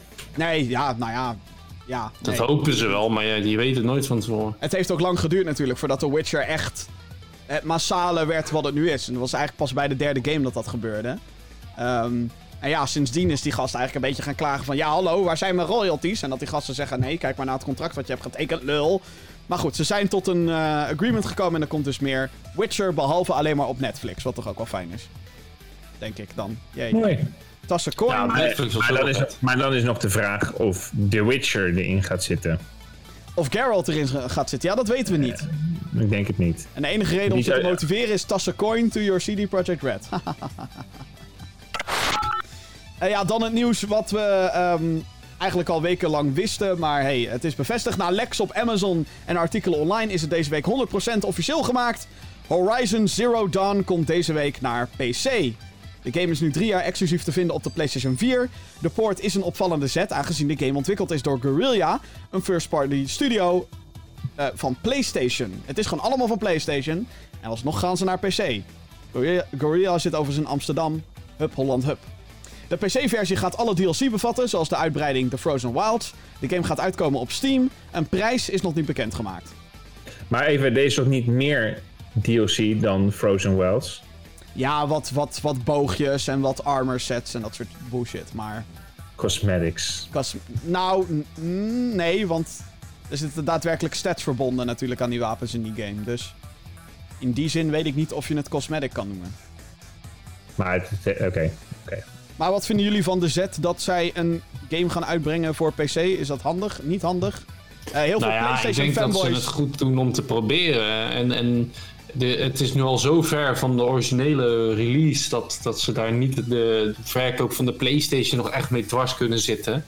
Ik denk dat ze er alleen nog maar mee eh, een beetje kunnen boosten. Voor mensen die geen zin hebben om heel lang te wachten op een game. Die toch hebben van nou, dit zijn toch zulke leuke exclusives. Die ga ik eh, op, de, op de PlayStation of de nieuwe PlayStation eh, aanschaffen. Ja, ik denk ook. We hebben natuurlijk die discussie vorige maand hebben we al een beetje Ik ben eigenlijk ook nog steeds van mening dat, eh, eh, dat dit niet de verkoop van de nieuwe PlayStation dwars gaat zitten. En dat je nu gewoon een publiek probeert te bereiken wat, wat in eerste instantie wat je toch niet zou bereiken. En het zegt misschien toch wel iets over de plannen van PlayStation in de, in de toekomst. Ja, dat ze breder gaan en eh, ja. Dat ze meer PC in ieder geval erbij willen gaan betrekken. Althans, daar lijkt het nu op. Ja, nou ja, ik, het, het lijkt erop dat ze zeg maar nog even te cashen. En er zullen ongetwijfeld dan berekeningen zijn gedaan van... Oké, als we, want dat was jouw standpunt, dat is jouw standpunt voor zover ik nog eh, eh, goed weet, wat ook logisch is. Van ja, waar je fax uit, uit gaan brengen op PC, als je ook gewoon een, eh, een remastered vers- een versie op de PlayStation 5 kan doen en op die manier het publiek kan overtuigen om die PlayStation 5 Nou ja, te sterker halen. nog, niet eens een remastered versie. Maar dat je kan zeggen, hey guys, zo draait hij op PS5. Kijk eens even wat voor upgrade we aan deze PS4-game hebben gemaakt. En dat iedereen dan Ja. denkt, oh shit, nu moet ik wel. En, en, maar maar nu ga je dat gras in ieder geval voor je eigen voeten wegmaaien door het nu om naar PC te brengen. Waar die game natuurlijk er ook veel mooier uit gaat zien met hogere framerates en al die shit. Maar ja, misschien krijg je nu wel mensen die op PC zitten die weer interesse krijgen in een PlayStation. Nou, nee, ik denk, ik denk, ik- nee, wat ik denk is, ik denk echt niet dat het elkaar bijt. Als jij, de, als jij dat spel straks op een PlayStation 5 wil spelen, dan weet je dat je hem op PlayStation 5 wil spelen. En als jij er- ervoor kiest om straks op een PC te spelen, dan ga je waarschijnlijk toch niet eh, voor. Anders had je hem nu al. ja, Als je ja, dat ik, graag had willen spelen. Dus, dan, eh, dus ik denk niet dat het een gemiste kans is. Sterker nog, eh, het, misschien is het inderdaad wel zonde. Misschien wordt het helemaal niet zoveel straks op een PC gespeeld. Nou, ik denk wel dat dit wel veel gaat, gaat trekken hoor, denk ik. Ik denk dat. En tuurlijk, je hebt altijd. Ja, je hebt altijd zeg maar die hardcore playerbase die weigert iets op een PlayStation te Ja. spelen, want fuck de consoles. Maar.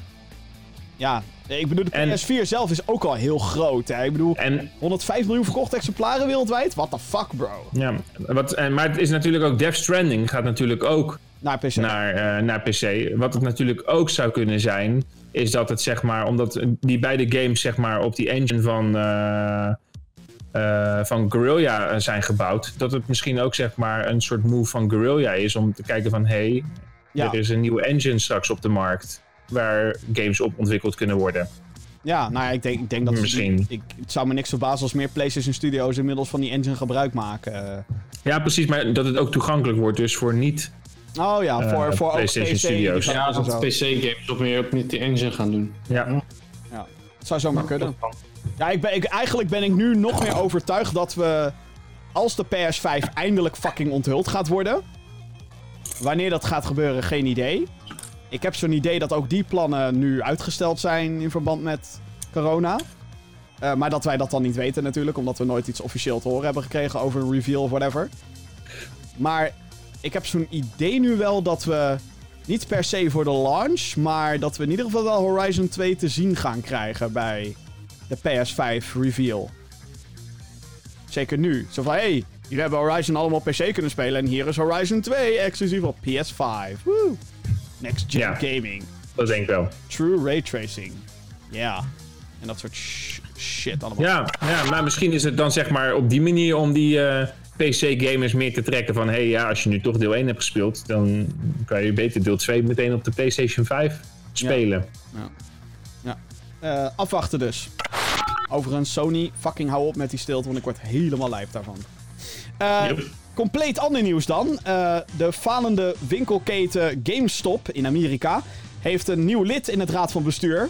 Oud-CEO van Nintendo Amerika, Reggie Fils-Aimé, gaat zich aansluiten bij het bedrijf om de ondergang proberen te vermijden.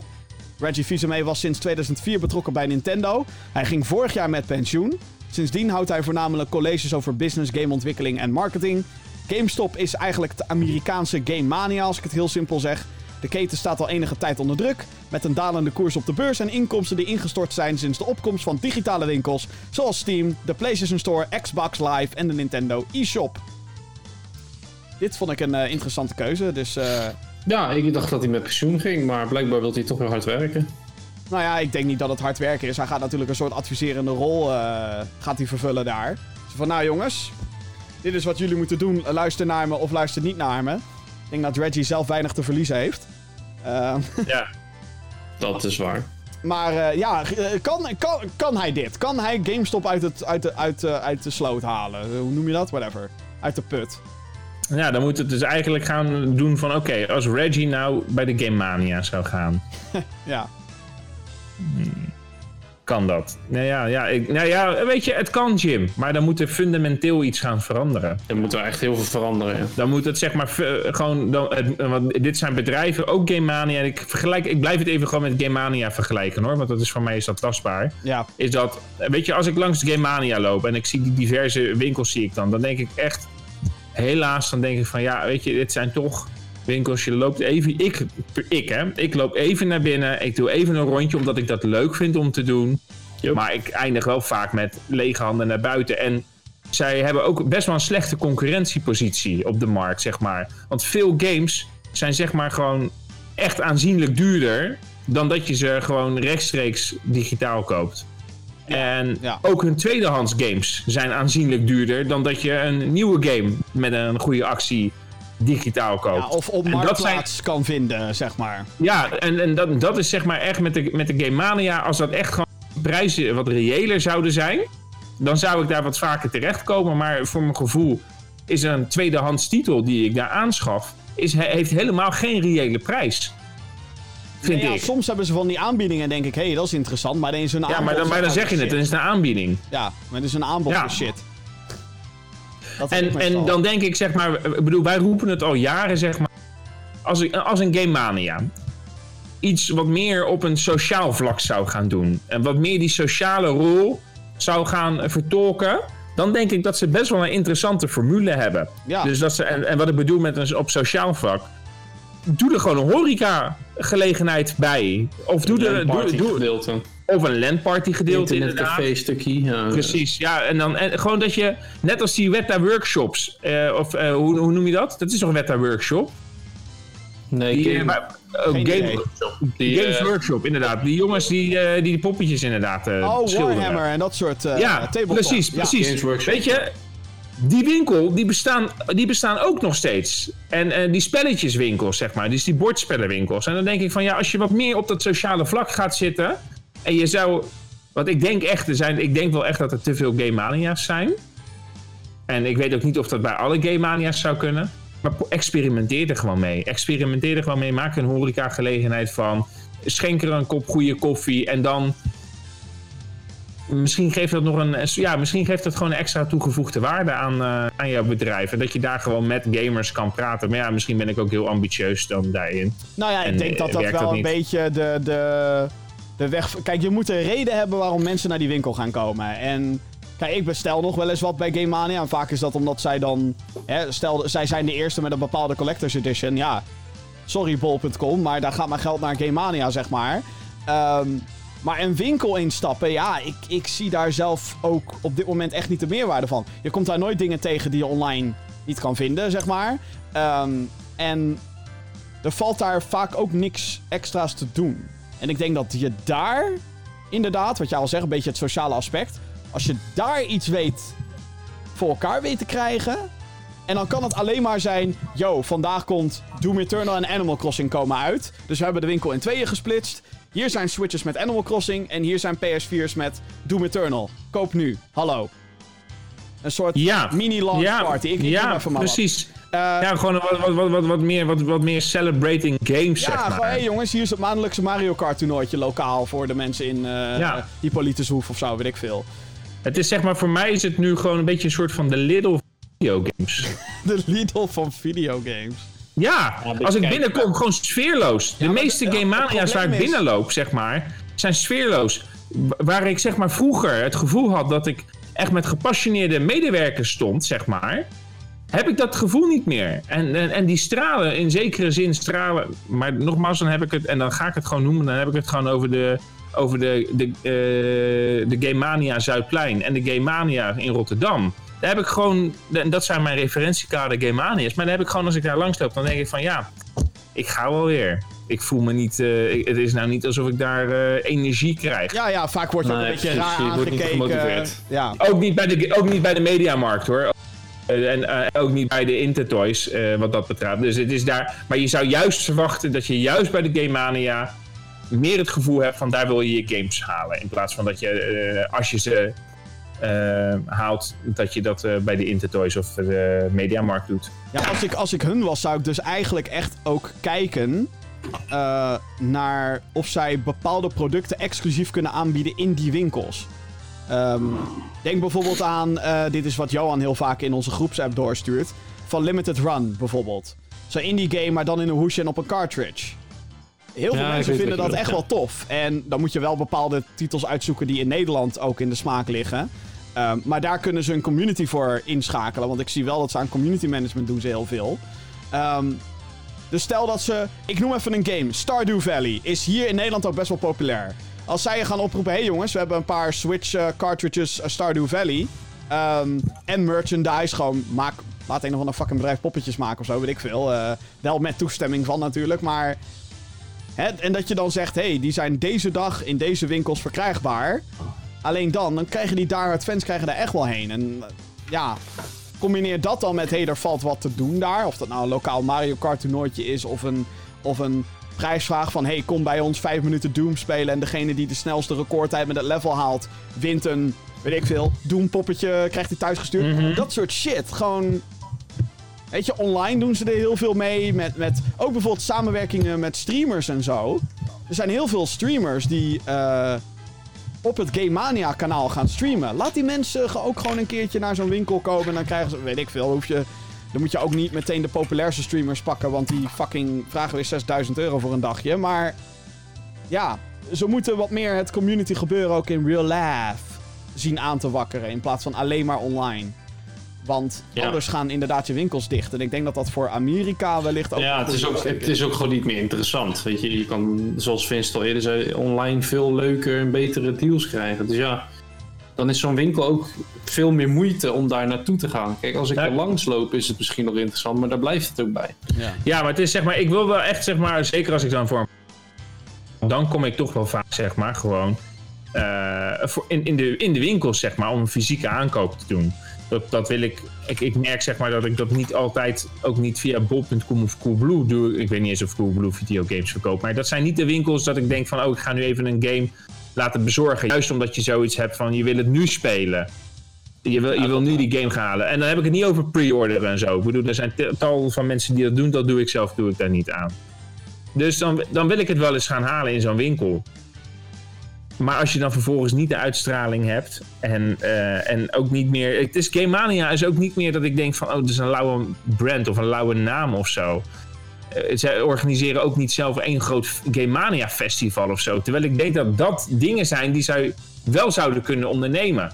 Dat zij wel zeg maar in die hoek misschien het zouden Nou moeten ja, gaan bedoel- zoeken zeg maar. We hebben er vroeger natuurlijk grappen over gemaakt over die Game Mania bus op First Look. eh, die er al jaren staat. Of heeft gestaan. Ja. Eh, maar ja, daar waren wel vette games te spelen. Dus in die zin, weet je wel. Eh, Ja, zet die, bus, zet die bus weer in en rijd ermee door de nou straten. eh, eh, bijvoorbeeld wat ze op DreamHack hebben, hadden gedaan afgelopen, wanneer was het? November, oktober? Ehm, Oktober. Toen hadden ze daar een winkeltje staan met een paar aanbiedingen waar ook ik van zei: Oh, dat is vet, weet je wel, dit neem ik mee. Bijvoorbeeld de Eloy, po- Eloy poppetje hadden ze daar, ik voor je vriendin meegenomen. Want ik dacht, nou, dat vindt ze vast wel leuk. En dat vond Ja, ze ik ook. vind het hartstikke leuk. De, en ze hadden daar ook zo'n streaming setup, zeg maar. Met een streamer die daar shit aan het doen was. En dan denk ik, kijk, als je dit nou soms doet in een, in een ding. En misschien doen ze dat al hoor. Misschien ben ik helemaal in. in zijn we die hele shit kapot aan het zeuren, aan het af, af aan het zeiken zonder dat we het echt weten. Maar, Maar, maar als ze zie doen, Jim, dan is het niet in het, in het straatzicht. Nee, inderdaad. Ik, ik zie het niet in ieder geval. Dus ja, dat. En, en of Reggie dit soort energie kan in een Amerikaanse brand, dat wordt lastig, denk ik. Ja, maar ja, weet je, als er iemand is, dan zou hij wel de man... Ja, ja. Zeker als hij, zeg maar, gewoon eh eh, carte blanche krijgt om het te doen. Ja, dat gewoon een blank, eh, blank check. Maar ja, dat krijgt hij natuurlijk niet, want hij is een lid van het raad van bestuur. Dus Nee, maar wat ik bedoel met carte, wat ik bedoel met carte blanche is, zeg maar, dat hij eh, dusdanig, zeg maar, gewoon... zijn invloed mag uiten en dat er ook naar geluisterd wordt en dat er ook naar gehandeld wordt. ja. In plaats van dat hij eh, het, het slaafje is van. Ja, precies. Ja, ja, ja, ja, ja. Want dat is natuurlijk niet het geval.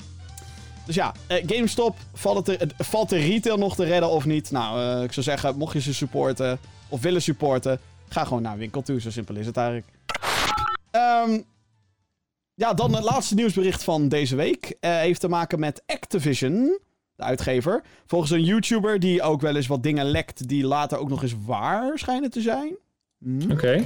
Ehm, schijnt hoor. Eh, komt uitgever Activision het aankomend fiscale jaar, en dat loopt dan tot april 2021, met een aantal nieuwe games. Zoals verwacht komt er eind dit jaar een nieuwe Call of Duty game, die naar verluid wordt ontwikkeld door Treyarch, het team achter de Black Ops serie. Sledgehammer Games zou werken aan een free-to-play Call of Duty game, eh, wat wellicht de nieuwe Warzone voor volgend jaar zou kunnen zijn. En er zou een remaster in ontwikkeling zijn van Modern Warfare 2 uit 2009. Verder komen er twee nieuwe Crash Bandicoot games. Eentje zou een remaster zijn van de uit 2002 verschenen Wrath of Cortex. Dit is tevens de eerste Crash game die niet ontwikkeld werd door Naughty Dog. Daarnaast zou er ook een titel in de franchise in ontwikkeling zijn die gaat om player versus player gameplay. De laatste titel die in de maak zou zijn is een remaster van een oude Tony Hawk's Pro Skater titel. Deze zou dit jaar moeten verschijnen. Er moet bijgezegd worden dat we dit nieuws met een flinke korrel zout moet nemen, eh, moeten nemen, aangezien al deze informatie uit één lekker komt. Maar vele websites hebben het overgenomen. Daarnaast heeft Activision tijdens een aandeelhoudersvergadering gezegd dat ze meer klassieke franchises en titels terug willen brengen. Dit sluit daar natuurlijk mooi bij aan. Dus. Ja. Ja, ja. Ja, de Tony Hawk. Leuk. Yay, Tony Hawk, yay. Eh, Hey! Oh! let's, Let's go! go! Zo, god, die muziek, jongen, in die games. Oh, wat heerlijk. Maar eh, ja, nee, ik, ik zou het heel tof vinden als er weer een Tony Hawk komt. Waar het niet dat Activision dat eh, eigenlijk al tien jaar een beetje heel erg aan het vergallen is. Met gekke games op een fucking, fucking snowboardje die je dan moest aanschaffen à la Guitar Hero-stijl. Waar je op moest staan, fuck off. Ehm, Tony Hawk's Pro Skater HD uit 2012 was fucking kut. Tony Hawk 5 was fucking kut. Dus ik hoop dan wel dat ze een beetje de juiste mensen op die projecten gaan zetten. Die een beetje. eh, ik weet niet. Een goede Tony Hawk game kunnen maken. En ik vraag me af of Tony Hawk dat überhaupt wel wil. Want die was volgens mij heel erg pissig na de release van de laatste game. Want die had zoiets van. This is shit. Haal me weg. Je verneukt mijn naam. Ja, je verneukt mijn naam en de licentie ging daarna ook verloren. Nou kan het natuurlijk gewoon zijn dat die twee weer een eh, agreement hebben behaald. Maar ja, Eh, dat. En al die Call of Duty plannen klikken mooi. Ik weet ook niet of het een beetje overload is meteen met een remaster en nieuwe free-to-play Ja, shit. weet je, het gebeurt natuurlijk altijd heel vaak dat elk jaar een eh, Call of Duty game uitkomt. En daarom vind ik het altijd met dat soort games, net als met een FIFA, heel kut om daar eh, DLC slash van die packs voor te kopen. Want dan ben je het na een jaar kwijt. Hè? Warzone is nu uit, volgend jaar alweer een nieuwe. Of eind van het jaar al een nieuwe, dus binnen zes maanden. Ja. Oké, misschien iets meer. Het, het gaat gewoon allemaal zo snel. ja, nee, de, de tijd gaat eigenlijk te hard voor die, voor die, voor die live Ja, maar het, het, kan, het, kan, het kan de kwaliteit toch ook niet ten goede komen. Als je zo vaak achter elkaar zulke games hebt. Natuurlijk, Treyarch en, en het zijn twee verschillende uitbrengen steeds. Maar hallo, drie studio's zelfs. drie. Ja, ja. hier, kom op. Maar kom op, het is zoveel. Ja, nou ja, kijk, je, je zou zeggen dat, Call of- dat mensen Call of Duty inmiddels zat zijn. Maar elk jaar weer. Gewoon standaard. Bam. 20 miljoen verkochte exemplaren. Fuck jullie allemaal. Bam. En weet ik hoeveel geld die het daarna nog oplevert. Dus ja, ik sta er ook elke keer weer van te kijken hoor. En ook vanuit mezelf. Want ik dacht na Black Ops 4, die vorig jaar uitkwam. Dacht ik wel van, nou, het is klaar met Call of Duty. En toen kwam Modern Warfare. En toen dacht ik, oké, ze zijn er weer. Want die game is vet. Dus op de een of andere manier lijkt daar geen einde aan te willen komen of zo. Nee, dat klopt. Wat ik heel knap vind. En ja, meer Crash Bandicoot, kom maar door. Alhoewel ik niet weet of Wrath of Cortex de juiste is om te remasteren. Want die wordt door heel veel mensen gezien als... Ja, eh kut game eigenlijk. Eh, ik bedoel, het is een Crash game, maar er is dan ook alles mee gezegd. Dus, hmm. Wat mij betreft moeten ze gewoon een nieuwe gaan maken. Maar dat is mijn, eh mijn, optie, Ja, mijn, misschien is dat wel een, een goeie. mijn opinie. Goed, dat waren een beetje de nieuwtjes van deze week. Dat waren er nogal veel natuurlijk. Ehm, maar er is meer, dames en heren. Heb jij een vraag voor de show? Mail naar podcast.gamergeeks.nl Dus ja, podcast.gaminggeeks.nl. Dus er een mail. Elke, elke dag, elke uur van de dag, als de servers online zijn, kan je gewoon mailen voor een vraag in dit programma. Eh, Mofo, ja, dit klopt. Eh, die heeft gemaild. Yo Jim, eh, een vraag. Heb je nog enig vertrouwen in de toekomst van de Fallout-reeks? Ik ben het met je eens dat Breath of the Wild overrated is, de wel. Ha ha ha ha. Groetjes van Mofo. Eh, ja, vorige week hadden we het over eh, unpopular opinions, waar ik zo meteen nog een dingetje over heb. Ehm, maar ik vond Zelda dus in Zelda Breath of the Wild overrated. Maar het toek- vertrouw in de toekomst van de Fallout-reeks. Nu heb ik daar volgens mij al vaak genoeg uitspraak over gedaan. Ik ben eigenlijk benieuwd naar wat Ja. jullie ervan vinden. Ehm, Ja, ik, ik denk eigenlijk stiekem denk ik het wel. Ja, Dat ik ik denk dat we heb- zich wel weer terug gaan vinden. Want ik denk zelf maar wel, weet je, ze moeten nu wel. Anders is het helemaal klaar, zeg maar. Als de eerstvolgende Fallout game ook shit is, zeg maar. Dan is het gewoon helemaal klaar. Alleen eh,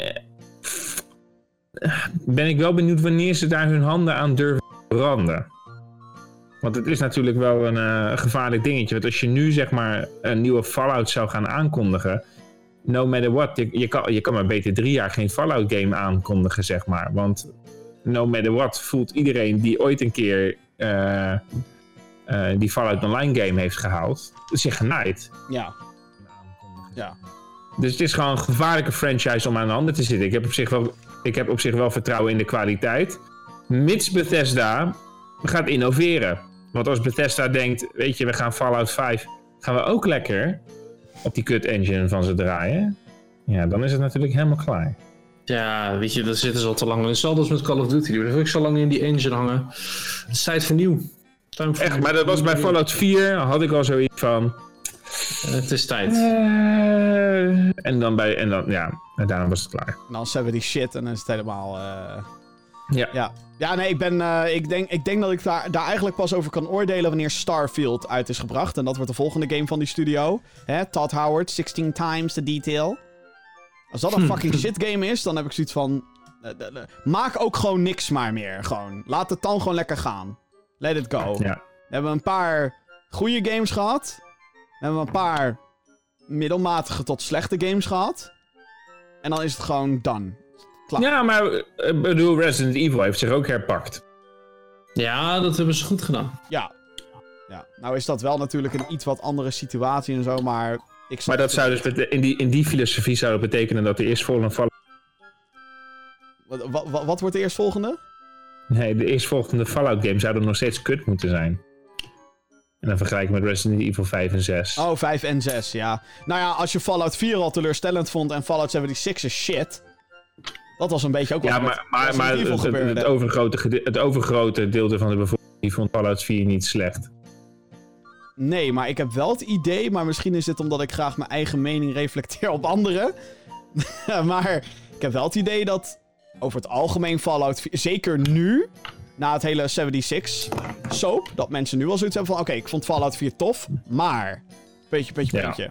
Maar het bouwen, Ja. maar dit, maar zus. Ja. Zo heb ik ook wel tientallen punten over Fallout 4. Ondanks dat ik het nog steeds eigenlijk over het algemeen een goed spel vind. Maar het probleem is gewoon eens dat Bethesda achterloopt. Qua, qua tech en zo. Als je dan bijvoorbeeld, hè, voorbeeldje, als je kijkt naar hoe Doom Eternal eruit ziet. En dan hoe Fallout 76 draait. Dan denk ik wel, of sterker nog, hoe Doom 2016 eruit ziet. En dan hoe Fallout 76 draait. Dan denk ik wel, eh, eh, wat? Wat hebben jullie gedaan? Behalve fucking Fallout 4 geprobeerd in een MMO te porten en... Bullshit. Dus. Eh, ik, dan nog een mailtje van... Robert. iGeeks. Aangezien we allemaal fucked zijn en nu drie weken in quarantaine zitten. Zo, eh jeetje mina, wat een quarantaine, jongen. Rustig. Vraag ik me af, wat voor games raden jullie aan om door deze zware tijd te loodsen? Ehm, zelf ben ik van plan om Mad Max, Shadow of the Colossus en The Last of Us te spelen. Groetjes van Robert. Eh, leuk, leuk ding is al, is dat Jeppy daar al een video over heeft gemaakt. Die je kan vinden op gaminggeeks.nl. Daar geeft hij vijf tips die je door de coronatijd heen kunnen leiden. En dat zijn dan vooral lekker de kiddie leuke games zoals, spoiler, een Stardew Valley. Ehm, en Breath of the Wild stond er ook tussen. Ehm, dus ga die video vooral kijken, gaminggeeks.nl. Hebben wij ook nog een tip? Nou, ik denk dat ik misschien eh, ga kijken of ik eh, Life is Strange eh, kan gaan oppakken, deel 2. Oh, Life is Strange, jawel. Ja. Goeie tip. Ja, ik moet de Left of Us nog spelen. Ja, die moet ik ook nog spelen, ja. What the fuck? Hebben jullie die allebei Maar nog niet ja. uitgespeeld? Nee, Ik heb ook nog andere games uitspelen. Dus Ja, ik, ik, ik heb hem gespeeld totdat de PlayStation 3 ooit crashte. Oh, oh ja, dat was kut, ja. Oeh, ja. Oeh. Oh, jongens, er staat jullie wat te wachten, jongen. Godsamme. ja, ja, ja. Nou, ik, heb, ik heb al een stuk van die game gespeeld en ik kan je alvast vertellen, de shooting mechanics zijn kut. Ja, dat is ook een beetje de bedoeling in die game.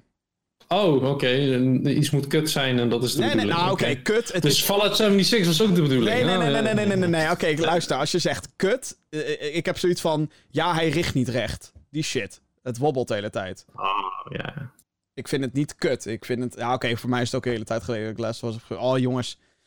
Jullie moeten hem wel even appen als jullie hem uitgespeeld hebben. Want dan moeten we het daar even over hebben. Want, eh... Oké.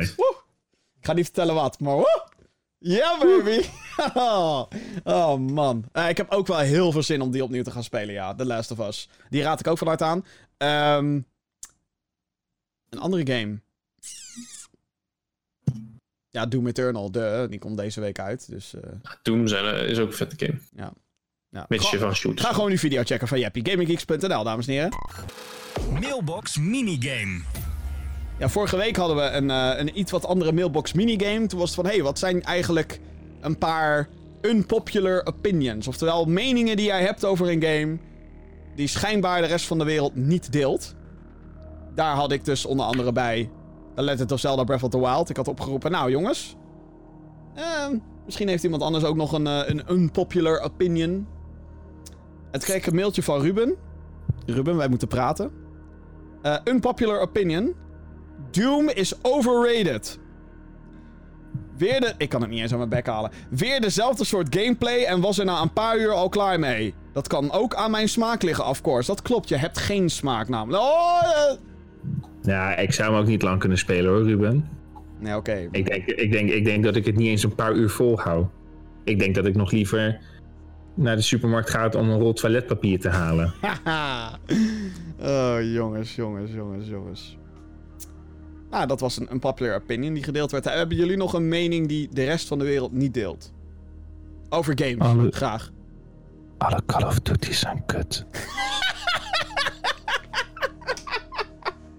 Heb je ze allemaal gespeeld dan? Oh, challenge accepted. Volgens mij ben je er geen één Ik zou uit principe nooit een Call of Duty kopen. Maar dan kan je ook niet zeggen dat ze allemaal kut zijn. Weet je, Warzone niet moet je spelen, die is free-to-play. Jeroen, eh, ik vind Call of Duty kut, omdat ik het kut vind. Ah, wacht even. Eh, eh, Een populair gespeeld. Goede opinion. onderbouwing, goede onderbouwing. Een populair opinion. Haal even dat ding Jeroen? wat verder van je bek af anders. Ik vind jou kut. Nou ja, zeg. Goed onderbouwd.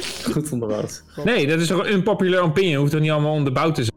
Gewoon, ik vind... Maar ik heb Call of Duty's gespeeld en de Call of Duty's die ik heb gespeeld... vond ik kut. Welke, welke gespeeld? Jeroen, ik vond ze zo kut dat ik niet eens de titels heb onthouden. Zo mij, laag, zo, zo hoog was het kutgehalte. volgens mij World. War 2 toch, heb je ook? Wat hè? World War 2? Eh, Ja, dat heb ik gespeeld. Ja, die vond je kut. Modern Warfare 3, dat vond ik, dat, nou, die was niet kut. Die, vond ik, die heb ik nog wel gespeeld. Ja, ik denk je dat gaat jezelf nu al tegenspreken. Je zegt alle Call of Duty's zijn kut. man. Alle Call of Duty's na, Black, eh, na Modern Warfare 3 zijn kut. Nou, ik heb nooit genoten van de Pokémon games.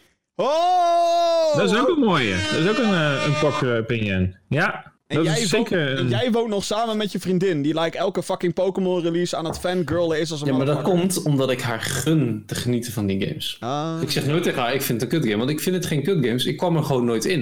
Nee, je zegt En dan kan dat kut. zijn omdat ik als kind die Game Boy games nooit gehad heb. En Hmm. toen ik ze een keer mocht lenen, het niet begreep. En op een bepaald moment je al leeftijd dat je keuze in smaak van een game, hè, een shooter en dingen, dat was meer mijn ding dan een Zelda en een Nintendo, weet je, en, en een Pokémon. En nu ben ik met Zelda in aanraking gekomen en nu heb ik zo van, oh, dat is eigenlijk best wel vet. Maar ik Heb deel, ik die, eh, ik, ik deel die Zelda overrated opinion, deel ik wel. Breath of the of Wild. the, ja, Breath of the Wild, ja. Dat deel ik wel. Dank u. Ja. Ik ben ik toch blij mee dat een van mijn eh, minst populaire meningen... Ja, nee, die deel ik. Oh wel, ik, ik Heb krijg je, hem- wel heb je hem meer- uitgespeeld, Vincent, of niet? Nee, maar dat, eh, dat komt onder andere daardoor, zeg maar. Dat ik een Zelda-game niet heb uitgespeeld. Ik denk dat het voor heel veel mensen die heel erg bekend zijn met, met de Zelda-franchise in de oude games, dat dit te, te grootschalig is op het gebied van zoek het maar lekker uit. Ja, klopt. En, Ik, en dat heb ik heel erg bijvoorbeeld met een Metal Gear Solid. Uh, Metal Gear Solid, alle games waren gewoon A naar B en je volgde een verhaallijn. En de laatste, deel 5, is heel erg een open world. En dat is zo overwhelming dat je op een moment eigenlijk mist wat de originele games waren.